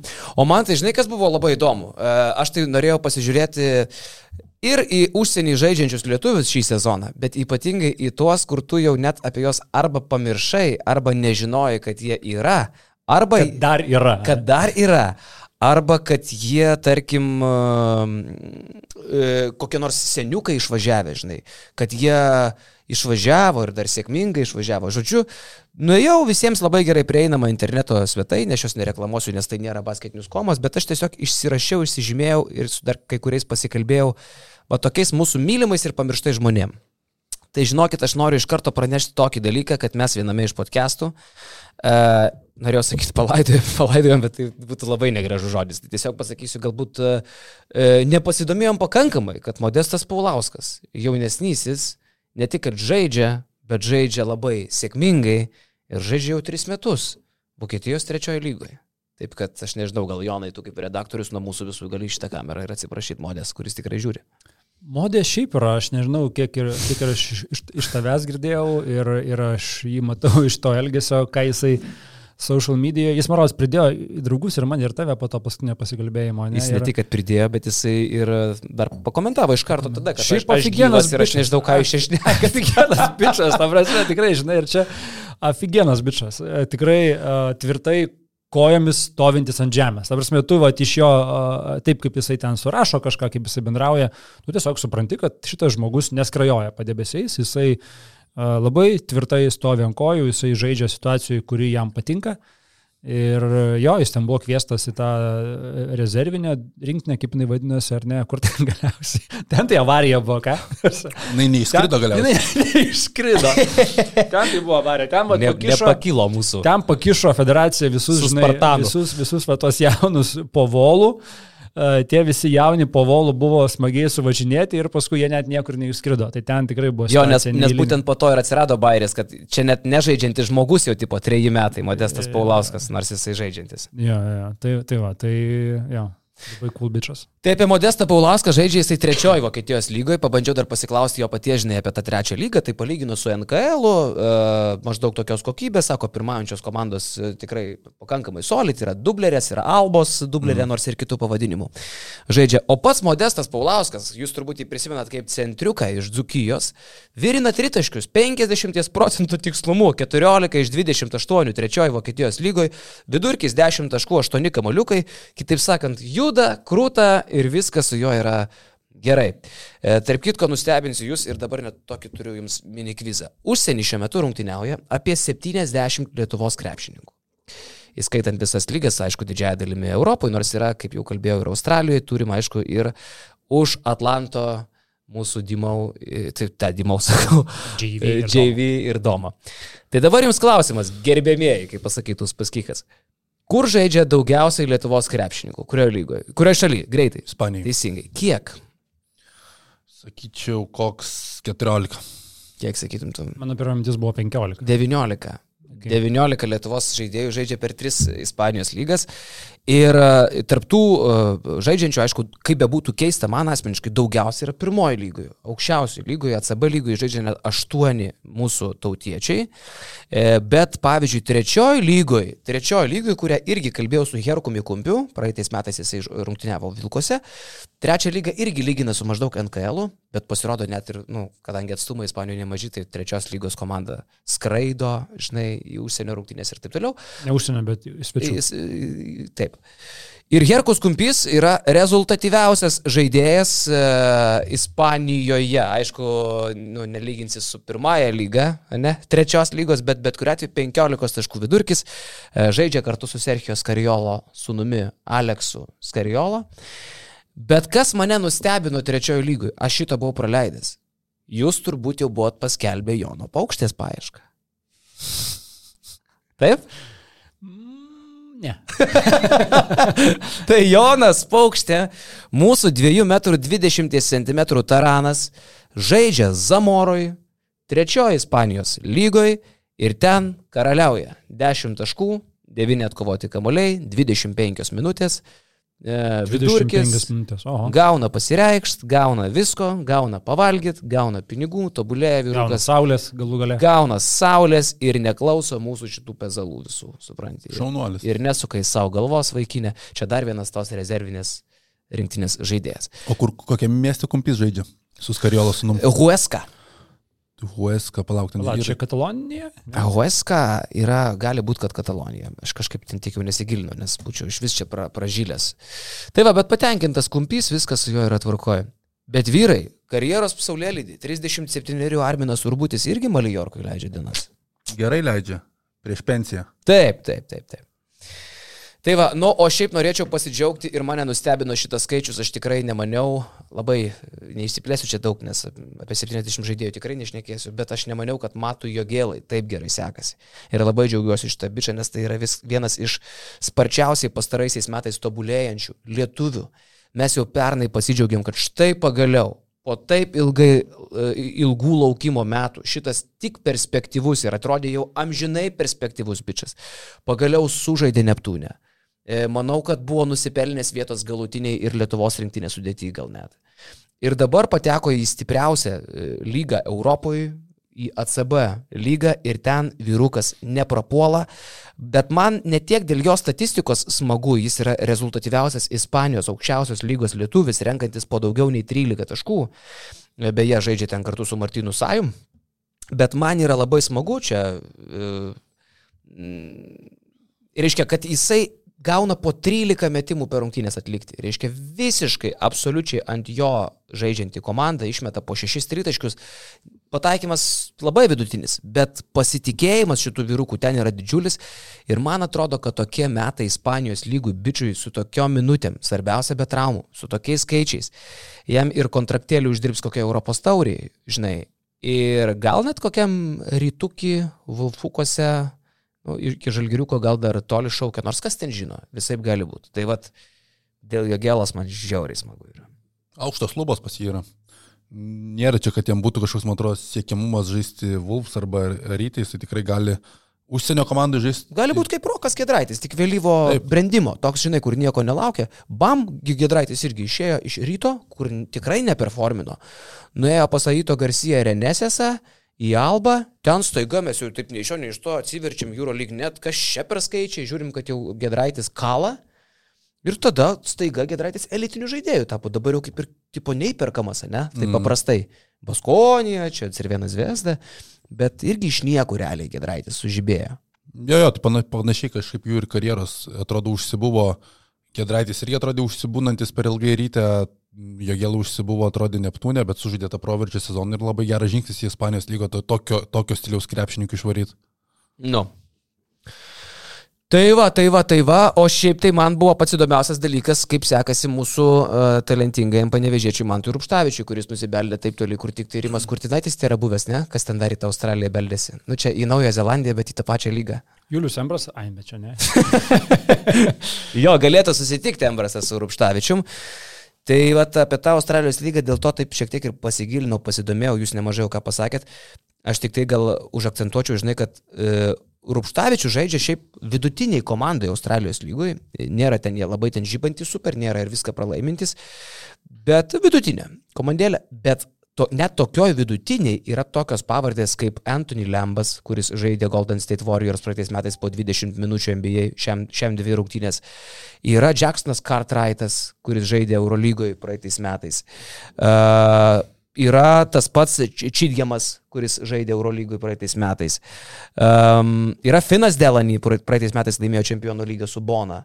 Tas pats Rupštavičius, e, vėlgi toks tarp perspektyvesnių lietuvių ir tokiam lietkabelį tikrai turėtų vaidmenį, ne? Ten žaidžia po 11 minučių, renka po 5 taškus, bet tikrai labai labai stipri lyga, vien jau toki, tokios pavardės, vidutinės komandos pavardės tai rodo. Nu ir pats Rupštavičius sako, žinai, sako, reikia dar priprasti, nes tikrai leidžia kaltis, tikrai, nu, fingalai, melinės ir taip toliau ne, nėra naujiena. E, reikia pa, pasi, pasikapot, bet motivacija žaisti, tai vien tai, kad aukštas lygis, stipri lyga, reiškia geri komandos draugai e, ir kad sezonas gali baigtis labai anksti, reiškia, tai dar turi laiko ir Lietuvoje sužaisti, galbūt. Jis, jeigu komanda neišeis į playoffus, jisai iki kovo jau bus Lietuvoje. Vasario 19 baigėsi sezonas tokiu atveju. Nu tai manau, kad visai, visai variantas. Kažkam gal ir iš lietuvių klubų bus pričiupti jį. O pats bičias dar svarsto apie NBA draftus. Mm. Uh, Jam paskutinį metą. Jo, jo, nes, nes Australijos lygoje gali turėti tris legionierius ir vieną, e, reiškia, Next Star krepšininką, tai iki jo. 22 metų, kuris gali būti draftuojamas. Tai Rupštavičius patenka į šitą, į šitą kategoriją, reiškia. Nu, va, bet aišku, skaičiai, nu, ne, neįspūdingi kol kas. Ir žaidžia po 11 minučių ir renka po 5 taškus. Pažiūrės. Nu gerai, įdomiai. Tai o šiaip visi užsienyje žaidžiantis krepšininkai ir ne tik užsienyje, bet ir Lietuvoje, tam, kad pasiektų lietuvišką turinį, gali naudoti Telia Play programėlę. Lemba, kaip tu iš tikrųjų vat, jaučiasi lygis, pailsėjai, tai ta integracija tokia, žinai, čia ir talento reikia. Šiokia tokia, beklausant tavęs, matai, va, tokia mintis ir kilo dabar. Iš Geras. tikrųjų, uh, Teleplay yra platforma, kurios aš pats esu didžiulis fanas ir gerbėjas, daugybę metų naudoju, uh, žiūriu dabar ir Teleplay Plus turinį. Uh, tiltas, kad ir kokia ten yra muilo operėlė, bet užkabino gerai šiaip prieš miegą, jis dabar mane užmigdo, aš prieš miegą pasižiūrėjau. Buvau tiltą. pamiršęs, kad, kad žiūrėsiu. Uh, ir yra ten dar daugiau iš tikrųjų unikalaus turinio, kur, kur galima pažiūrėti, bet vienas iš turbūt didžiausių pliusų tai yra tiesiog, kad televizoriai turintis Android operacinę sistemą turi Teleplay programėlę, kur, kaip sakau, tu būdamas bet kuriam pasaulio krašte atsisiuntęs tą programėlę, įsigijęs vieną iš Teleplay planų, tu gali žiūrėti tą turinį, kuris yra lietuviškas, lietuviški kanalai, arba įsigyti papildomą turinio ir, ir, ir, ir HBO, ar tą patį Telia Play Plus, ar bet kurį sporto kanalą ar paketą, e, tai iš esmės daugybė to turinio, kuris yra pasiekiamas visur labai lengvai ir kaip ir minėjau, yra keli planai, visi tie planai šiuo metu turi vieną mėnesį nemokamai, tai tiesiog galite pabandyti patiks ar nepatiks, turi, turi be įsipareigojimų, tu juos iš esmės už, užsakai, nėra, kad ten tu įsipareigotumai metam ar dviejam, tai užsisakęs, pabandai, pažiūri, kas tinka, kas nepatinka, ko gali pridėti, ko, ko nuimti ir tiesiog šaltus, tamsėjančius rudens vakarus leisti su telija ir telija play. Ačiū labai, Telė tai iš tikrųjų su tuo tiltu, tai mane užkabinė yra iki negalėjimo. Ir uh, tikrai gavau už tavęs tą koduką, pasižiūrėsiu, būtinai. Čia reikėjo nesakyti šitą. Nieko tokio, manau. Uh, parašė dabar dar Modestas Paulauskas, pat jisai toks sąžininkas vyrukas, jisai, jeigu aš tik tai jo kažko užklausiu, tai jisai ir po dviejų valandų kažką prisiminęs dar parašo, žinai, nu, koks tėvas toks ir sunus. Bet parašė dabar apie trečios Vokietijos lygos biudžetus, Tai sakiau, kad lyginam su NKL, nu bet pažiūrėkite į pinigėlius. Nuo 100 PMK mažiausiai iki 7 PM. Tačiau LKL pinigai. Nu tai mes lyderiai jau turi kiek LKL vidutiniokai. Tai va žinai, kaip čia pažiūrėsi. E, va tau ir babkės. Trečia Vokietijos lyga. Nu tai manau, kad Ispanijos trečiojo lygoje, kur vat, lošia mano minėtas Jonas Paukštė, ar Arminas Urbutis, ar e, Herkus Kumpys irgi panašus turėtų būti pinigai. Aišku, žinai, ten tuos biudžetus labai daug susideda tos keliavimo išlaidos Lietuvoje čia su autobusiuku 200 km ir bet ką pasieksi. Su jo, su, su Fiat Panda gali suvažinėti. Dar ko noriu pasidžiaugti iš mūsų lietuvių iš tikrųjų. E, turim dar laiko šitam šiek tiek. Be abejo. Ja. Labai noriu pasidžiaugti Mindaugu Kuzminsku ir lieku prie savo paties išsakytų žodžių ir noriu juos gražinti čia, kad tai buvo žaidėjas, kurio, kuris turėjo būti, manau, žalgerį už tos 200 tūkstančių. Kiek, kiek žalgerių jisai būtų atsijėjęs ir man ten, aš atsimenu, Galekšas sakė, kad čia irgi pinigai ir juos dar reikia iš kažkur įsitraukti, bet jūs manęs nejuokinkit. 200 tūkstančių žalgerių yra... Žalgiriui nėra jokie čia siaubingi pinigai. Taip kaip jisai lošia, Graikijoje šiuo metu Kuzė yra tarp rezultatyviausių užsieniečių lietuvių apskritai. Ir e, jeigu taip tiksliai, man tie skaičiai niekada labai nedomina, tai aš taip neužsirašinėjau, bet jeigu tiksliai, tai Kuzminskas renka po 14,5 taško Graikijos lygoj, e, žaidžia sėkmingai AEK komandai, e, sėkmingai jie atrodo ir viskas su jais yra tvarkoj. Ir Kūzė, pavyzdžiui, į tokio olimpijakoso krepšį sumetė 23 taškus. Supranti? Turi vaidmenį toks geras rolės žaidėjas, jisai būtų žalgiri ir manęs tik tai nejokina, kad nesirastų jam vietos čia, kad, kad ir kaip penktam aukštaugiui, kaip pavyzdžiui, neina kokiam, nežinau, menekui, ūliai kitą kartą, nekūzė ir stumdytis gali, ar ten, nežinau, Danielius Lavrinovičius, ten, žinai, pigesnis, tikiu, bet, bet nukūzė mes šnekam apie kitą lygį, žinai. Man šiek tiek gaila, kad čia tuo metu gal ir, ir Pymau principai veikia, kai dar Pymau komplektavo tą komandą, nes, kaip mes žinom, Paulius Motiūnas Kuzminsko žalgyrį po, po tų visų istorijų, kai jis kažkada net važiavo čia, nu, nebematė. Ir manau, kad principai čia buvo truputį aukščiau už pragmatišką vertinimą. Manau, kad jisai žalgiriui net ir dabar padėtų. Tai tikriausiai, kad padėtų. Žinai, aišku, dabar jis pas pažįstamą trenerį, pas plazą, irgi tas veikia. Taip, aišku. Bet ir Kazis parodė, kad rinktinį kūzė labai naudingas. Ir matai, kas nusipirkus kūzę dar liktų pinigėlio ir vienam tėlėje play planui. O, Jonai, bleba, paploja, paploja, redaktoriai, tikrai, nu, tai yra kažkas tai nuostabaus. Nes planas stream tai kainuoja 9,99, 9 eurų 99 centai, be 1 cento 10 eurų ir į planą stream įeina ir lietuviški kanalai, 12 lietuviškų kanalų, ir Teleplay Plus, ir HBO. HBO atskirai kalbėti nereikia, Sopranai ir visi kiti serialai topiniai, Teleplay Plus jau sakėm, ir Tiltas, ir Estonija, dokumenti, ne, vaidybinis filmas, bet pagal tikrus faktus, kurį irgi dabar su mielo noru žiūriu. Taip kad prie 200 K tikrai dar liktų 10 eurų per, per, per mėnesį ir teleplay šitam planui. Bet aš tą Estoniją tai labai noriu pažiūrėti. Čia yra apie legendinį keltą, kuris nuskendo. Šitos istorijos daug kas net nežino, man net keista, jaunesnioji karta turbūt visai net negirdėjus kai kurie. Tai yra, aš mačiau dokumentinį, tai Titanicui praktiškai prilykstanti tragedija, aišku, skaičiai šiek tiek mažesni, bet žinai, ar, ar, ar yra, kaip čia, tragedijos akivaizda, ar yra menkesnė, jeigu žuvo 800 žmonių, ne pusantro tūkstančio. Tai yra ta pati tragedija, iš esmės. Didžiausia laivo katastrofa Europoje nuo antro pasaulinio. Taip, taip, tai tikrai, vat, norėčiau pažiūrėti tą, tą, jeigu ten tik ne koks kičas, žinai. Ne, ne, šiaip labai kokybiškas reikalas. Ja. O grįžtant dar prie lietuvių, kaip tu turbūt vėl kažkaip iki Telijos sugebėsi paskui nueiti. uh, bet um, aš dar norėčiau priminti, kad mes turim du, kurie taip ir nesustartavo. Italijos lygoje šį sezoną mes neturim lietuvių, nes nėra Eimanto Bendžiaus. Čia vienas iš tų retesnių atvejų. Toks išskirtinis sezonas. Žinai, buvom pripratę, kad Italijoje kažkas tai mums atstovauja. Ai, nieko. O Bendžius Žalgirio arenui žiūri. O Bendžius Žalgirio arenui. Tai vad sveikatėlės jam sveiksta, už Lietuvą žmogus sveikatą padėjo. Turkijoje neturim lietuvių. Va jums naujienos. Supranti, vad kaip laikai pasikeitė. Nėra Turkijoje jokių lietuvių. Italijoje dar ir Olisevičius nesustartavęs, ne? Nu. O, kur Olisevičius irgi aš nelabai. Šiaip turi kontraktą ten, bet no. nežaidžia. Vat kažkaip keistai. Ir aišku, neturim Ukrainoje. E, turėtume Kulboką. Mm, aišku, Slabožanskė ne Ukrainoje žais, bet Kulboką grįžti tik tai po penkių mėnesių. Tai va toks truputį išskirtinis sezonas, nes aišku, suvokiama situacija dėl Ukrainos, bet kai pagalvoju, turbūt dar nebuvo metų, kad Turkijoje, Italijoje ir Ukrainoje nežaistų lietuviai. Tai va toks, sakyčiau, yra išskirtinumas. Bet šiaip kur tų lietuvių nėra, 19 žaidžia Ispanijoje, 8 Vokietijoje. Kas įdomu, Vokietijoje tik tai vienas lietuvių žaidžia pirmoji lygoje, 7 trečioji, aukščiausioji lygoje nėra nei vieno lietuvio irgi išskirtiniai metai. Tas pats Mindaugas Ušinskas, kuris praeitais metais siautėjo Vokietijoje, dabar nuvažiavo žaisti į Ispaniją, CB lygą, užsidirbo gerą kontraktą, džiaugiuosi, renka po 10 taškų, viskas bravo.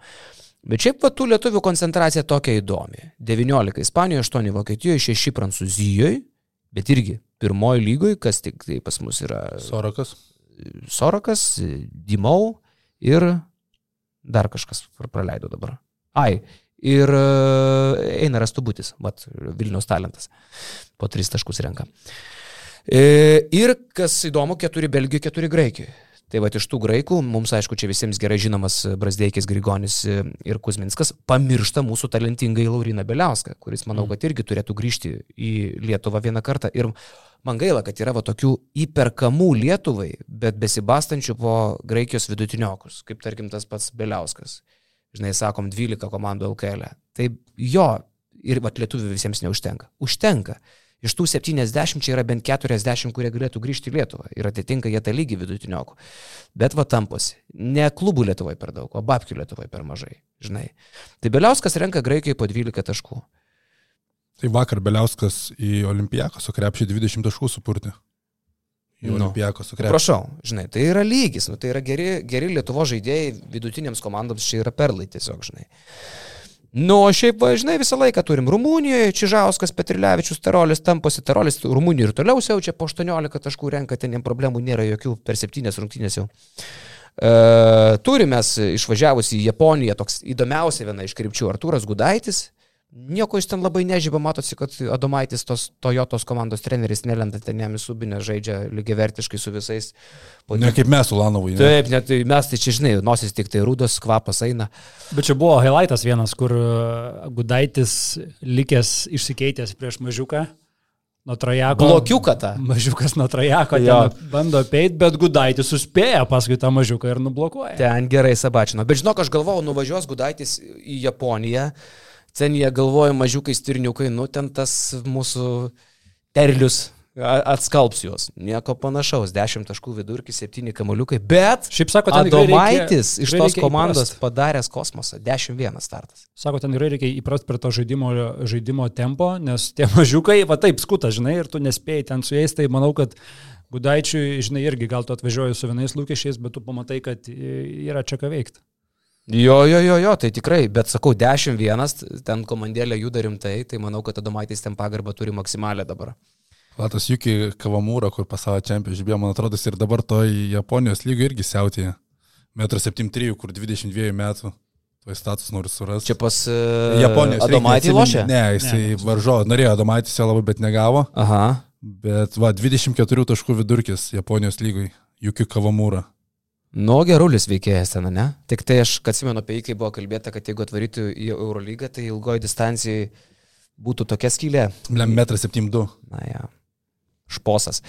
Ir Tomas Lekūnas, irgi va, toks įdomus karjeros posūkis, žmogus, kuris tarsi Vilniaus ryte žaidė, gavo šansą, ten mes aišku, lygiam rėkiam, isterikavom, kad čia nu, turėtų būti gal gelbėjimus ir ratas laikinai, o ne visam sezonui. Žmogus į Vengriją nuvažiavo. Dabar vienintelis Vengrijoje žaidžiantis lietuvis, bet vat, savo laimę surado 11 taškų, 7 kamaliukai per 6 rungtynės ir jis, kaip sakytų, krapikas kersą dėjo ant to basketinius.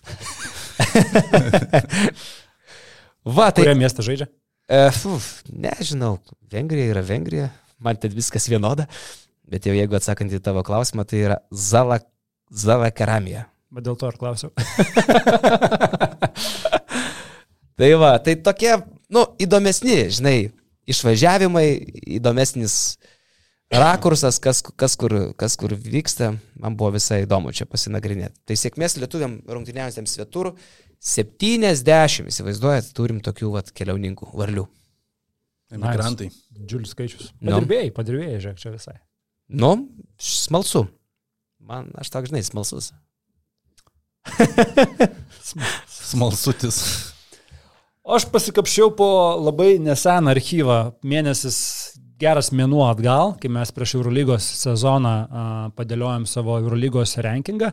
Aišku, tai yra dar vis anksti vertinti, nes mes ten dėliojom su mintimi, kaip komandos atrodys uh, po reguliarėjo, nes mes ir paaišėm situacijas, kurios komandos bus pleinė, kurios bus playoffuose lokai, kurie yra garantuotai loseriai ir keliose vietose mes labai stipriai prašovėm. Tai va aš tiesiog galvoju, praėjus vat mėnesių, realiai pirmame Eurolygos mėnesiui mes e, kažkiek ir prabėgsim Eurolygos tuos įvykius per tą, per tą mėnesį, trumpai aptarsim ir to pačiu pažiūrėsim, e, kur mes buvom. Uh, grybai paskutiniai, o kur visgi šiokia tokia uoslė, galvelė, mintelė teisinga surėsgiam ir visgi kažką gal ir suprantam. Šiaip labai gera tavo mintis, nes e, mes labai dažnai priprognozuojam, o paskui nebėra refleksijos jokios į tai. Ja. Ir tada, žinai, ir atsimam savo žodžius, ir primeluojam, kad taip nesakėm, ir Ulanovui šikną lendam, paskui, žinai, visokio tokio atsiranda bair.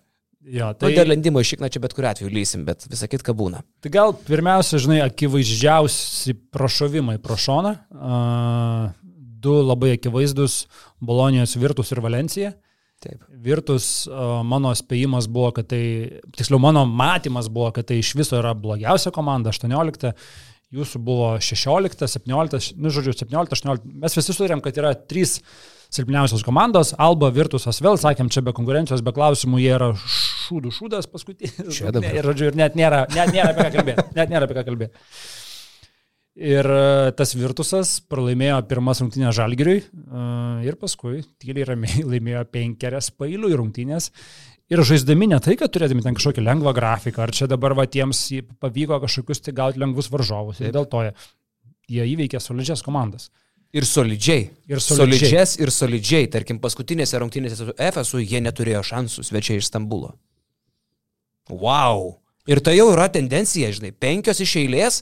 Šaras sakė kažkada e, po 16 žalgerio pergalės LKL, kad žinokit, bet kokioje Europos lygų 16 iš eilės laimėti yra sudėtinga. Ne, Šarai, LKL nėra žalgeriui sudėtinga.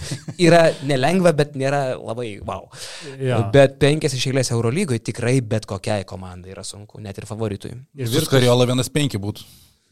A, tu hateris. Ne, nu tai praeitą sezoną Skariola visą, visą sezoną skundėsi, kokia bloga sudėtis, jį atleido.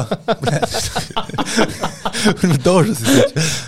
Tai Skariola, ta prasme, tai jį dėl to ir atleido, nes sakė, kokia prasta sudėtis surinkta, tai bankėtė ir parodė, kad nėra tokia prasta ta sudėtis. Šiaip tai, ką bankė čia padaro, čia yra neįtikėtina. Aš nebūčiau... Aš, nu ir okay. Tuomas Įsala, ar kaip jisai? Jo, galimai. Noriu tai vis pabrėžti. Bet jisai yra į Suomijos rinktinės žvaigždė, kai jisai... Jisai ne Tomi Įsalo, o Lasituovi. aš, aš visą laiką, o kaip jisai yra Lasituovi, o kas yra Įsalo? O Įsalo yra dar Paryžiui. Taip. Aš juos visą laiką maišau, aš turiu menį tą gražų bičią iš Suomijos rinktinės, tai čia... Jie būtų gražus. Iš, iš rinktinės. Tai dar ir dėl to. Lasituovi. jo, jo, jo. Tai Lasituovi dirba su bankė, ne? Taip, taip. Nu va, tai mes, kai jau kai čiampas, tai gražus ir fainas ir geriausias. O dabar asistentas, apie kurį neverta kalbėti. Verta. Jo. Ir žinai, ir, bet apie ką irgi reikia kalbėti. Ok, treneris treneriu, bet reikia kalbėti apie turnikę šengelėje. Mm. Turnikė šengelėje, tai kaip jisai juda, aš nežinau, ar bent jau aš tai nesitikėjau, kad jisai šitaip uh, sklandžiai, šitaip greitai, vėl toksai bus greitas, toksai skrajojantis, ok, mes kalbam, kad jisai negali pataikyti iš toli, jisai startuoja su pataikymu uh, Dabar 9.20, bet prieš tai buvo 9.17, nes jisai paskutinėse su FSU prametė viską iš toli, bet iš esmės jisai susimeta iš toli. Jisai uh, nugarą taranuoja absoliučiai visus, uh, kai kurios rungtynėse tu net matai akivaizdžius taikinius, kai jisai mato prieš ką jisai gali centruoti, per jį žaidimas yra eina, nes jisai nugarą apstumdo, ką tik tai nori. Bet gražiausia yra tai, kad jisai išdalyja po 4 ir 30 asisto ir pagal šitą skaičių Eurolygo yra 11. Wow. Tarp priekinės linijos žaidėjų top 25 nėra nei vieno priekinės linijos žaidėjo pagal asistus, jis yra 11 visoje lygoje pagal, pagal asistus ir tuos kamuliukus skirsto ir nuo trajeko, ir praktiškai baudos aikštelį nusimetinėdamas kitam aukštam, ir nusimetinėdamas, pritraukdamas dvigubas gynybas ant trajeko stovintiem laisviem žaidėjim tai, kai jisai išdarinėja, uh, inicijuodamas visą virtuso polimą, jis yra labai didžiulė priežastis, kodėl ten kamuolys taip gražiai juda ir, ir jie susikuria tokias progas. Tai šiandienėje tikrai yra turbūt metų prisikelimas, bent jau per tą pirmą mėnesį uh, skaičiais, pažiūrėjau taškais, dvigubai pakėlė savo vidurkius, tai kai jis turėjo pernai, dvigubai pakėlė šiemet 18 su viršum vidurkį taškų turi, tai uh, toks, koks kažkada buvo Baskonijoje. Sakyčiau, net geresnis. Gal net Geriausia versija Šengelijos, kokią mes matome. Kas pas mus fantasy jį turi, pas mus lygoje? Katilius. Katilius. Nu, nes anksčiau fantasy jisai būdavo vargas, kas jį turėdavo fantasy. Aš tą esu patyręs, net į Sigma kažkada iškeičiau. Aišku, paskui dar labiau sudėgiau ir tada, nu žodžiu. Bet uh, šiandienėje šiemet fantasy žaidėjams tai yra uh, malonumas. Ypatingai ten pas mus pagal tą skaičiavimo sistemą mm. viską daro. Bet iš jo, pavyzdžiui, Bairių net Jordanas Mickey yra prisimokęs. Tarkim, kai gauna kamuolį nugarą ir iš karto posūkis į dešinę, žinai, ir tada, o, jau viskas už nugaros pasilikai, dar ir 2 plus 1 Mickey taip įvarė prieš FSA. Tai šiandienėje čia yra dievas šito reikalo gavo, tik tai pajutė kontaktėlį, žik iš karto į dešinę sukasi, net tas nespėja sureaguoti gynybai žmogus. E, bet ko vertas jo žaidimas veidų į krepšį. Tu tokį kitą ketvirtą numerį sunkiai surastum, ko verti jo pavyzdžiui, buvo epizodas, e, tarsi gavo kaip, kaip nugarą žaisti, tada jį pradėjo dvigubinti ir jisai prasplitina du žaidėjus, palieka juos už nugaros ir bėga padėjimas iš viršaus, žinai, šengelėje. Arba... Ką jis dabar paguldė iš Efeso Klaiburną, kur e, koja susipinė kažką, tai kažkur lingėlis. Praėjo dėjimą. Žinai, jo. Toks Ir tu žiūri, tos kojos yra greitos, tos kojos, žinai, kur tu jau galvoji, jau bet ir tas, supranti, gruziniškas, kartveliškas kovingumas pas jį, jisai tau neleis to kamoliuko 50-50 pasimti nuo galvos. Ne, jisai, jisai maksimaliai imsta kamoliuką. Kaip polime buvo irgi epizodas, ar po jo paties tritaškio, ar po komandos draugo, žinai. E, tiesiog akiplėšiškumų nusiminėja kamolius, žinai labiau nori už kitus, o yra vyriausias žmogus komandai. Tai, nu, gal Danstanas vyresnis. Nu ir Belinėlė, ten vyresnis. Ne, tai čia jau yra. ten, ten yra, vyresnių ten yra, pasvirtusius. Sako, ne pensininkai, bet sodros darbuotojai dabar. Mano dėdė taip sako. Tai va, tai jo. Ir dar Haketas vyresnis iš to, ką išvardė, jo, ten krūva. O... Nu, tai ten vyriausia komanda yra per visą istoriją Eurolygos. Jo, tai šiaip įspūdinga ir smagu. Man tai tokios istorijos yra žiauriai smagios, kai tu matai žaidėją, kuris tikrai buvo geram lygiai ir tu jau tarsi jį, ir nežinau, gal ir visą lygą jį jau kažkiek buvo nurašius, ne? O, jis čia dažnai nemeta iš toli, nebetinka šitam krepšiniui, dabar kaip čia aukštas gali iš toli nemest, turi eiti žaisti penktą poziciją, jau čia jam ketvirtas viskas. 25 naudingumo balai vidurkis ir dėjau skeras ant basketinius. Ir laba diena, jo. Kitas dalykas, ką mes irgi prašovėm maksimaliai, visi davė 15 vietą Valencijos basket klubui. Mumbrų. Mumbrų. Na tai čia labai labai aišku, mes neįvertinam trijų komandų - Barcelonos, Valencijos ir Virtuso. Net ir jūs, kur jau Barceloną gerbėt, šitaip negerbėt. Tai... Aš negerbiau Barcelonos, aš irgi labai žeminau Barceloną šiaip jau. Mm. Atsisukus e, juostelę, pamatysite ir, ir Džabari Parkeris buvo, žinai, ne kažką. Nors Džabari, kiek, jeigu dabar apie jį kalbant, ne, jis labai išnaudoja tai, kai jisai sugeba. Jis, jeigu jam tik tai toliau negu 4-5 metrai jau yra tragedija metimas, Bet jisai iš pogrepšio susiverčia, susimeta. Bet ir tą vidutinį padriblingo irgi tokį midrange turi. Džabaris, e, sakau, praeitas mačas čia, kai triuškino tą pat Naikos, tai Džabari Parkeris ten ir užkūrė tą visą antram kelnį atkarpėlę savo. Aš Džabari, tu jį atleidai, ne fantasy? Ne aš. O kas, kažkas atleido, nes aš pasėmiau. Kažkas aš jį mūsų. nežiūrėjau. Aš jį pasėmiau prieš kokius keturis turus ir čia buvo mano nebilus Barcelonas atsiprašymas. Aš, e, aš atsiprašau iš tikrųjų Barcelonas. Taip, aš, žinai, man, e, kai aš kažko nepataikau, man visą laiką tai primena, bet kai aš genialiai pataikau, man to niekada niekas nepasako. Tai aš tik tai vat, noriu priminti, kad aš būnu ir labai neteisus. Tai Barsa mano, mano buvo vienas iš tokių riebių nepataikymų. Tai žinau, ir labai aš, asmeniškumais pagristų už tai. tai. Žinau, su kuo aš labiausiai nepataikau, tai su Onadol Efes. Aš Erdema Džaną įsivaizdavau, kad jis iš karto viskas ten pradės veikti, bet dabar atrodo, kad pralaimės Žalgeriui ir, ir atleista Džaną.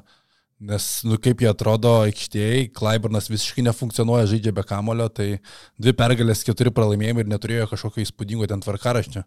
Taip, vienas iš mūsų pervertintų, aš trečioje vietoje įdėjau FSA. Antroji gal net. Antroji. E, man tai keista, kad Džanas dar ten yra, jis ten dar sėdi. Dar sėdi. O virtusio pralaimėjimo, beviltiško, pridėkim, žinai, labai labai keista. 2-4 jų startas yra. Ir Džanas negali teisintis. E, tu turi vis tiek topinę sudėtį. Tu bet kuriai komandai duok Klaiburną, Bobuą, Larkiną ir Thompsoną ir, to, ir dar ten žyžičiai visokie prasideda, e, žinai, galų gale. Nu, tu bet kuriai komandai duok tuos pirmus keturis, kuriuos išvardinau ir tos komandos tikslas minimum, čia sakom taip, yra playoffai ir pakovoti dėl Final Four. Šitos komandos tikslas dabar toks įspūdis yra tiesiog e, surasti naują trenerį. Būtų dar išlaukęs telekomas, galbūt ir grįžęs Džanas į Čianoko vietą. Taip. Bet aš galvoju, žinai, nu, tas tikėjimas Džanu buvo pasvertas, nes nu, žmogus daug metų buvęs e, Želko asistentų, pasisėmęs labai daug iš jo žinių, žmogus e, charizmatiškas, žmogus vat, parodęs su Ankara, kad e, gali būti ir virtreneriu.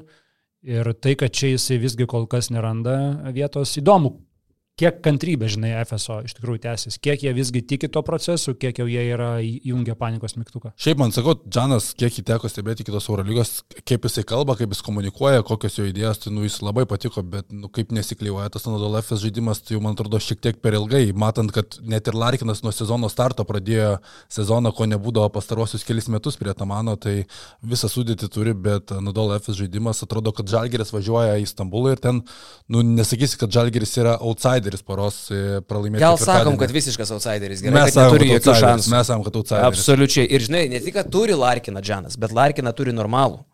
E, kartais Atamanas turėdavo Larkiną, bet e, kažkur išvykusi. Smegenėlės būdavo pasiemusios atostogų. Būdavo tokių etapų, ne, kur sakydavom, kad Pierre Henry ir Šeinas Larkinas, du tokie genialūs žmonės, iš kurių tu nežinai, ką gausi. Ar tas Larkinas atvažiavo, ar tas kitas. Dabar Laikinas norm, normaliai atrodo. Tarsi, okei, okay, blogai atrodo Klaiburnas, va čia turbūt yra bėda. Bet kita vertus vėl, nu, gal tada yra trenerio klausimas, kaip tu tą savo žaidėją integruoji, nes prie Tamano tai Vilas atrodė visai kitaip. Tai vad baisiausia. Ir vaidmo kito. Tokios komandos, kai tu nuvažiuoji, atrodo blogai atkarpoja, bet kai tiek turi talentą, tai atrodo tiesiog vienos rungtynės ir jie gali užsikurti, tai visada prieš jas baisu žaisti. Net nebejoju, kad po, jeigu pralaimėtų žalgiriui, kad tai būtų jau viskas. Jeigu dabar dar nėra viskas, gal kažko dar nežinom. Nu, dar turbūt laukia. Aš galvoju, jo, mes FS pervertinom, bet tai yra komanda, kurios dar tikrai nenubraukčiau. Čia dar toli gražu. Ne, ne, čia. Sakyti kažkokius, tai kažkokias išvadas tiesiog yra. Stipri komanda. Gal tiesiog po mėnesio galim sakyti, okei, okay, gal nereikėjo judėti į top 4, kaip mes visi sudėjome. Mes Atamano FS nenurašydom kovo mėnesį, kai jie būdavo ten kažkilintoje vietoje. Ja, ja. Tu netesi kažkada pasakęs, kai jie po pirmo rato net nebuvo. Jie buvo 12 vietoje. Jo, jie buvo 12 vietoje, tu pasakė, kad jie laimės Eurolygą. Tada aš į tave mečiau kažkokį daiktą, man atrodo. Tu Santaros atsidūrė.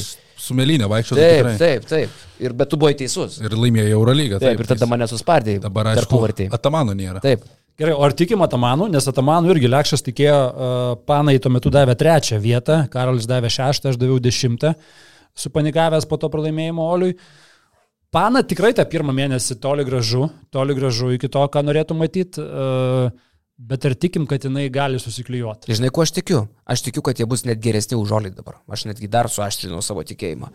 Man Oli 3-3, e, PAO 2-4 Eurolygoje šiuo metu e, man dar nieko nesako. Aš vat, kažkaip žiūriu tą jų potencialą, į tai, kad Gena Kopulas toliau mėto babkės perka žmonės, prie, tuo pačiu ir prekiauja žmonėm, turbūt spėčiau. Gerai, čia juokauju. Už tokį pareiškimą tu Graikijoje realiai šį vakarą galimai namo nepareitum. Nu, jeigu... Tu jau pamiršk, savo nori į Oaką nuvažiuoti, jau vis tavo svajonė šitą neįsipildys. Taip, taip, taip, taip. Aš, tarp kitko, mačiau Katleris kažkuriam podcast'e, irgi humoristinis, aišku, podcast'as, turėjo meluot, kad myli Rusiją. Žinai, toks buvo bairis. Ir aš galvoju, turint omeny mūsų šitus durnius, žinai, kur ten, e, nu, tipo, tuos, kurie ten, tipo, ai, jūs ten Mulanovų išikna lenda, žinai, tai tie patys čia iš karto sakytų viską, išsiųstų visur, kad mes mylim Rusiją ir ne, neįdėtų, kad čia bairis, nes tiesiog be konteksto kaltų, žinai. Tai va, bet šiaip žiūrint ir į paskutinį derbį uh, graikišką, uh, net matant, kaip ten nefunkcionuoja Lukas, kuris iš vis šiuo metu ligoninėje yra, man atrodo, dabar jau gal grįžo į treniruotės, vis tiek pavo visą galvą geresnis buvo už Olimpijakos. Ir dar jie stiprinas, ir dar jie stiprinsis, ir aš manau, kad ten ta komanda bus. Ir Grigonis puikiai atrodo. Man tik sakau, dėl pavo didžiausias klausimas, tas bardakas, kaip jisai neišaiškinti vaidmenis pasirašo Nana, ieško ketvirto numerio, tai man labai įdomu, kaip jie išsiaiškins ir jeigu Atamanas jau dabar po šešių turų Ispanijoje prie jų Europos, apie Europos jų čempioną Hančio Hernangometsą pasako, kad nu, šitas vyras turi susirūpinti. Nes pavardė didelė, bet vaizdas aikštėje labai prastas, tai jau dabar po kelių turų Tamanas išsirenka, atrodo, auką. Tai nu įdomu, kaip tai lips. Jeigu tai lipo Stambulė, nereiškia, kad tai būtinai lips ir Atenuose. Bet įdomu, kaip jie su Gena Kopulu susitarė. Vat aš taip norėčiau pamatyti jų pokalbį prie stalo, po rungtynių tokį, žinai. Nes nugi abu ekscentriški, ne tik egocentriškai, bet tokie ryškus.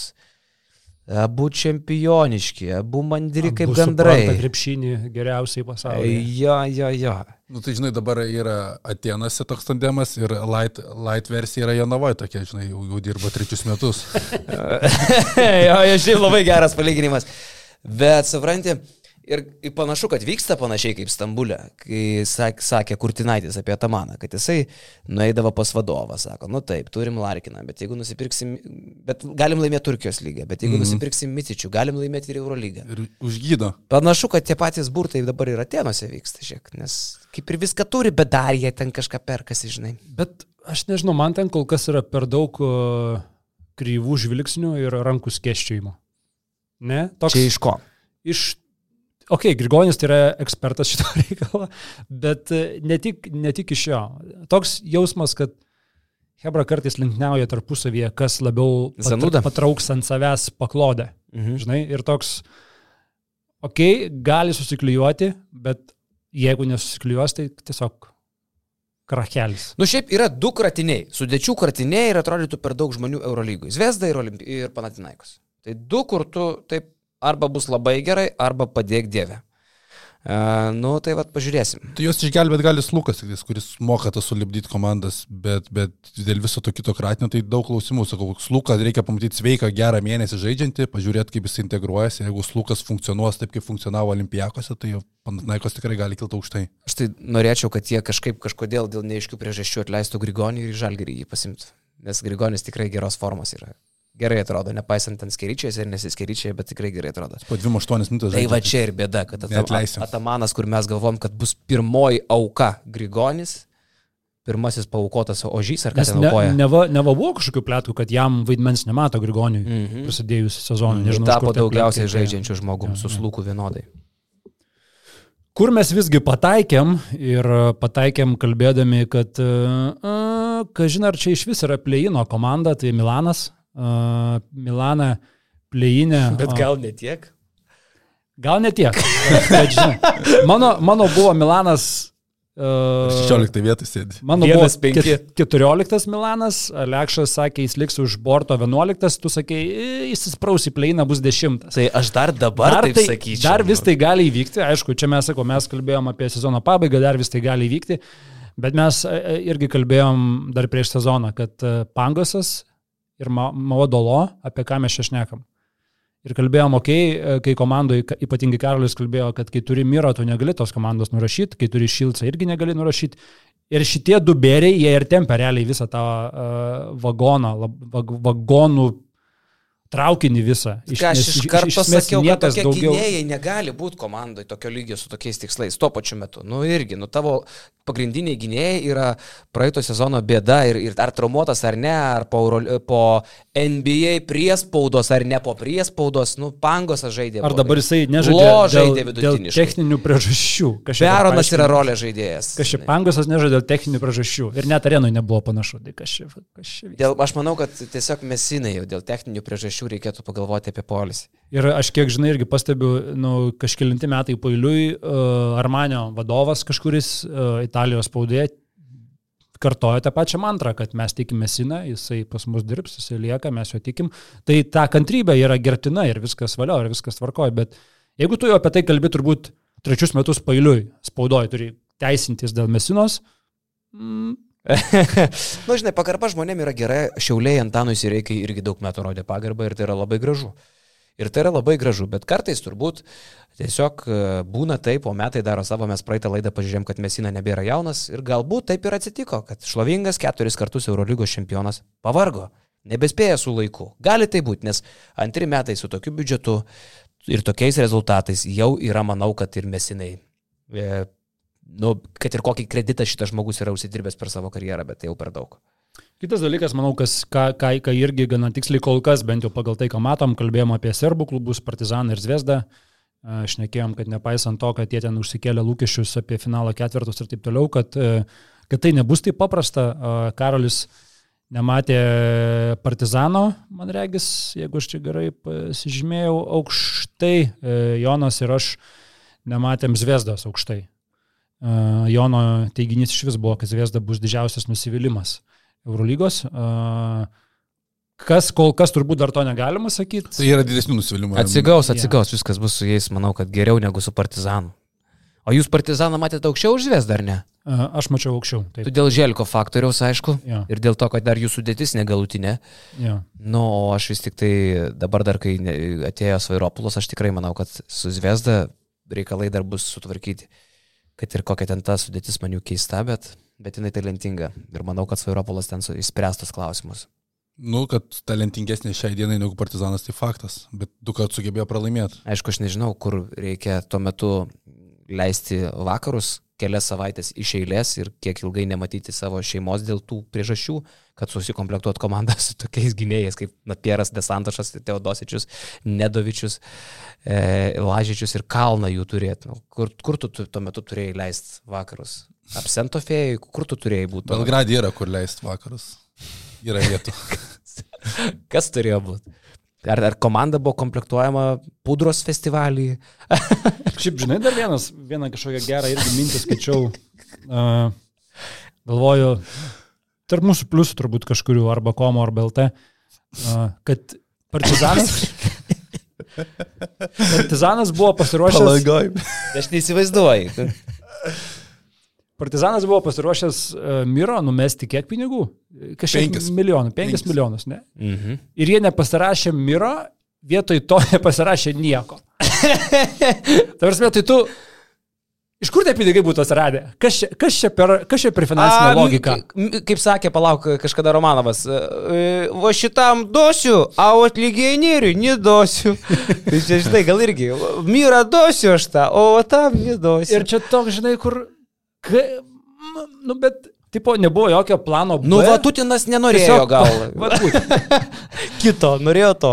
Ir, žinai, ir ten jos, arba kalba, kad čia, vat, mūsų aukso amžius, čia komandos šitos niekada nebuvo tokios stiprios ir taip toliau ir panašiai. Kaip čia tie pinigai atsiranda, iš kur jie atsiranda, kaip jie čia, jeigu reikės, jie bus, jeigu nėra, jų nebus. Mm, žinau, vis dar serbų komandos, vis dar ten yra man klausimas didžiulis. Nu ir dėl ko dar apsirikom Jonai, turbūt įrašė ir Žalgirį. Aš tai 5-1 sakiau tą, jau čia mano sudėgė. Tai, žinai, tu sakai, bet sakiau dar prie Brasdeikio. Tu sakai 5-1, bet mes visi kalbėjom, jeigu žiūrint į uh, reguliariojo pabaigą, 10, 9, 8 vieta. Mes e, šitaip jį matėm, Žalgiris aplink tą vietą sukasi. Ką mes irgi kalbėjom dar prieš Eurolygos pradžią, kad, uh, okei, okay, dėl Brasdeikio čia yra skilė ir reikia užkamšyti. Ir čia, ne, ir čia galbūt ne, nėra laiko laukti ir čia reikia kažkokio papildymo jau dabar. Mes tai kalbėjom prieš mėnesį. Kas jis dabar kalba, kad e, dar lauksim, viskas čia gerai, pažiūrėsim, duosim kitiems šansų.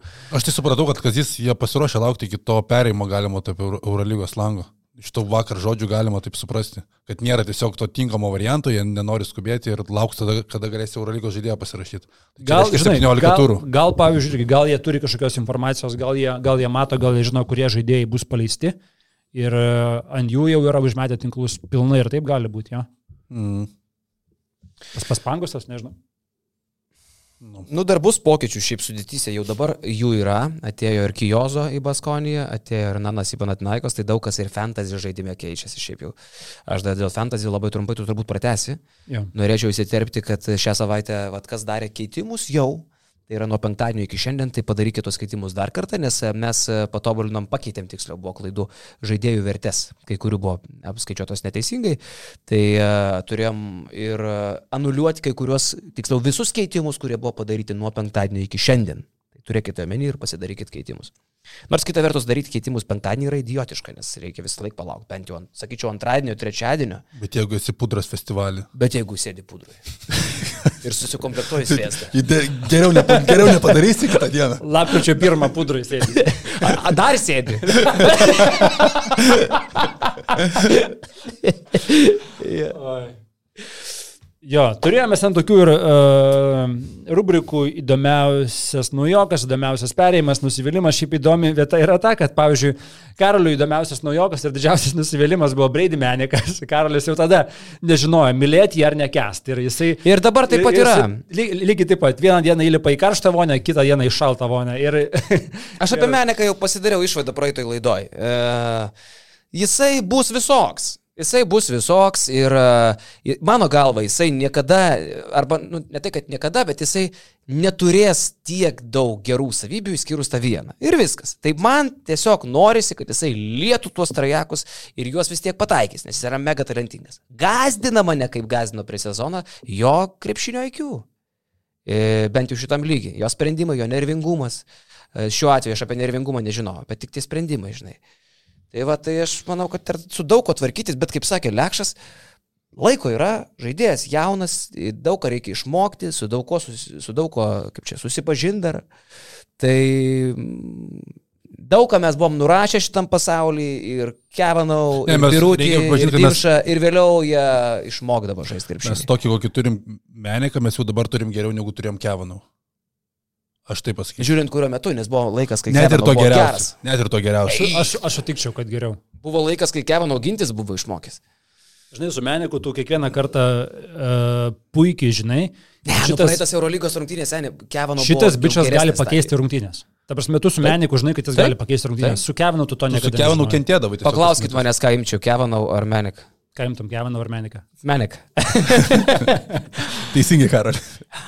Tai va, a, buvo tokie drąsūs spėjimai, kuris mano jau pastvirtino, nors jau kaip ir sakiau, tikrai nemaniau, kad tai vyks pirmą mėnesį, duško neteko darbo, kiti du dar reikia palaukti turbūt, Karolis sakė, kad Partizanas bent vienas rungtynės žais be žiūrovų. A, o, Arba Zviesda. O Jonas sakė, kad Žalgeris bus tarp dviejų mažiausiai taškų praleisinčių. Čia komandų. labai nupjauti yra. Čia po, yra labai po, stipriai. O Olimpijakos, tai toks bet buvo spėjimas. Neskubėkim, čia tik nu, taip, taip, bet pagal dabartinės tendencijas čia kol kas yra pjaunamas stipriai. Dėl žaidimo be žiūrovų, tai dabar čia e, taip kažkaip galvoju, kaip kodėl aš taip aš nežinau, galvoju, nes... Tu kažkaip, tu kažkaip labai juos nuvertinai. Jie Eurolygų tvarkingai elgesi. E, jo, jo, jo, jo, aš kažkaip galvoju, kad jie galbūt didės, didės, daugiau ten pridarys, bet sezonas dar ilgas, pažiūrėsim, nes... Nes Šiaip apie tos, visko bus dar. Apie tos žaidimus be žiūrovų Man tai įdomi situacija, kaip viskas ten išsirutulios su, su Makabiu ir Fenerbakčiai. Dabar nori nukelt mačą, bet nu... Šio, šios savaitės? Ne, perkelti mačą iš Stambulo į Belgradą 9 turą, man atrodo, bet tai nu, nedingsta lokacija, kad reikės du mačius to per sezoną sužaisti Stambulė. Tai kad tu ir šiuo metu perkelsi, tai kas pasakys, kad tu pavasarį po to žaisi ten Stambulė. Tai Tai ta situacija, nu, Fenerbakčia, manau, nesutiktų, kad žaisti prie uždarų durų į namų rungtynės. O jūs man dar galite pasakyti, kodėl praeitą savaitę rungtynės buvo nukeltos uh, Makabio ir Realo, realiai, dėl ko? Nes nespėjo gal Belgradė ten viską sureguliuoti. Ai, nes Belgradė turėtų žaisti, ne? Ja. E, okay. Čia logistinis iššūkis tikrai bus. Nes dabar šią savaitę Makabis žaidžia kaip ir namuose, tai turbūt, kad Belgradė su, su Bayernu, o kurioje arenui? Štarkė? Ja, Niko... Štarkė žaistų, ne Nikoličiaus jiems. Aleksandro Nikoličiaus. Nikoličiaus okay, atidavė. Okay. Tada paprasčiau bus darinti. Ja. O vat aš čia būčiau čia maloniai nustebintas, jeigu suvažiuotų daug žydų į tribūnas ir ten užkuoptų. Jie prie uždarų duržais. Visą sezoną prie uždarų durų. Dėl saugumo? Taip. Labai liūdna. Ja. Tai va, nežinau. Tai čia, wow. Čia tiek reikaliukų. Šiaip, žinai, ten kiti Monakas, mes visi Monakas sakėm, kaip e, antrą komandą startavo 0-2, paskui keturias pergalės pailiui. Mike Jamesas užsikūręs uh, savo geriausios versijos, uh, kaip, ir, kaip ir viskas turbūt pataikyta. Oli panašiai aukštai matėm, jie ir aukštai yra, nors dabar sakai, žinai, kad tiki vis tiek labiau paną negu, negu Oli. Uh, Makabi visi panašiai matėm 6-5 vietų, jie aplink tą vietą ir laikosi. Aš Bayerną mačiau aukščiau, bet aš dar jų tikrai netmeščiau, irgi sakyčiau, čia ilgas sezonas. Fenerį visi irgi panašiai matėm, gal net jie yra geriau negu mes matėm, Feneris kol kas. Bet šiaip, sakau, yra keli didžiuliai prašovimai ir keli yra pataikymai, kaip ir buvo galima tikėtis, bet smagu šiaip sugrįžti ir iš biški iš savęs pasijuokti. Man tai stebim toliau, stebim toliau. Tarp kitko, ko, ką visi pataikėme ir turbūt visa Lietuva ir visi Europoje, kurie supranta krepšinį, kad realas dominuos, čia pagrindinis dalykas yra.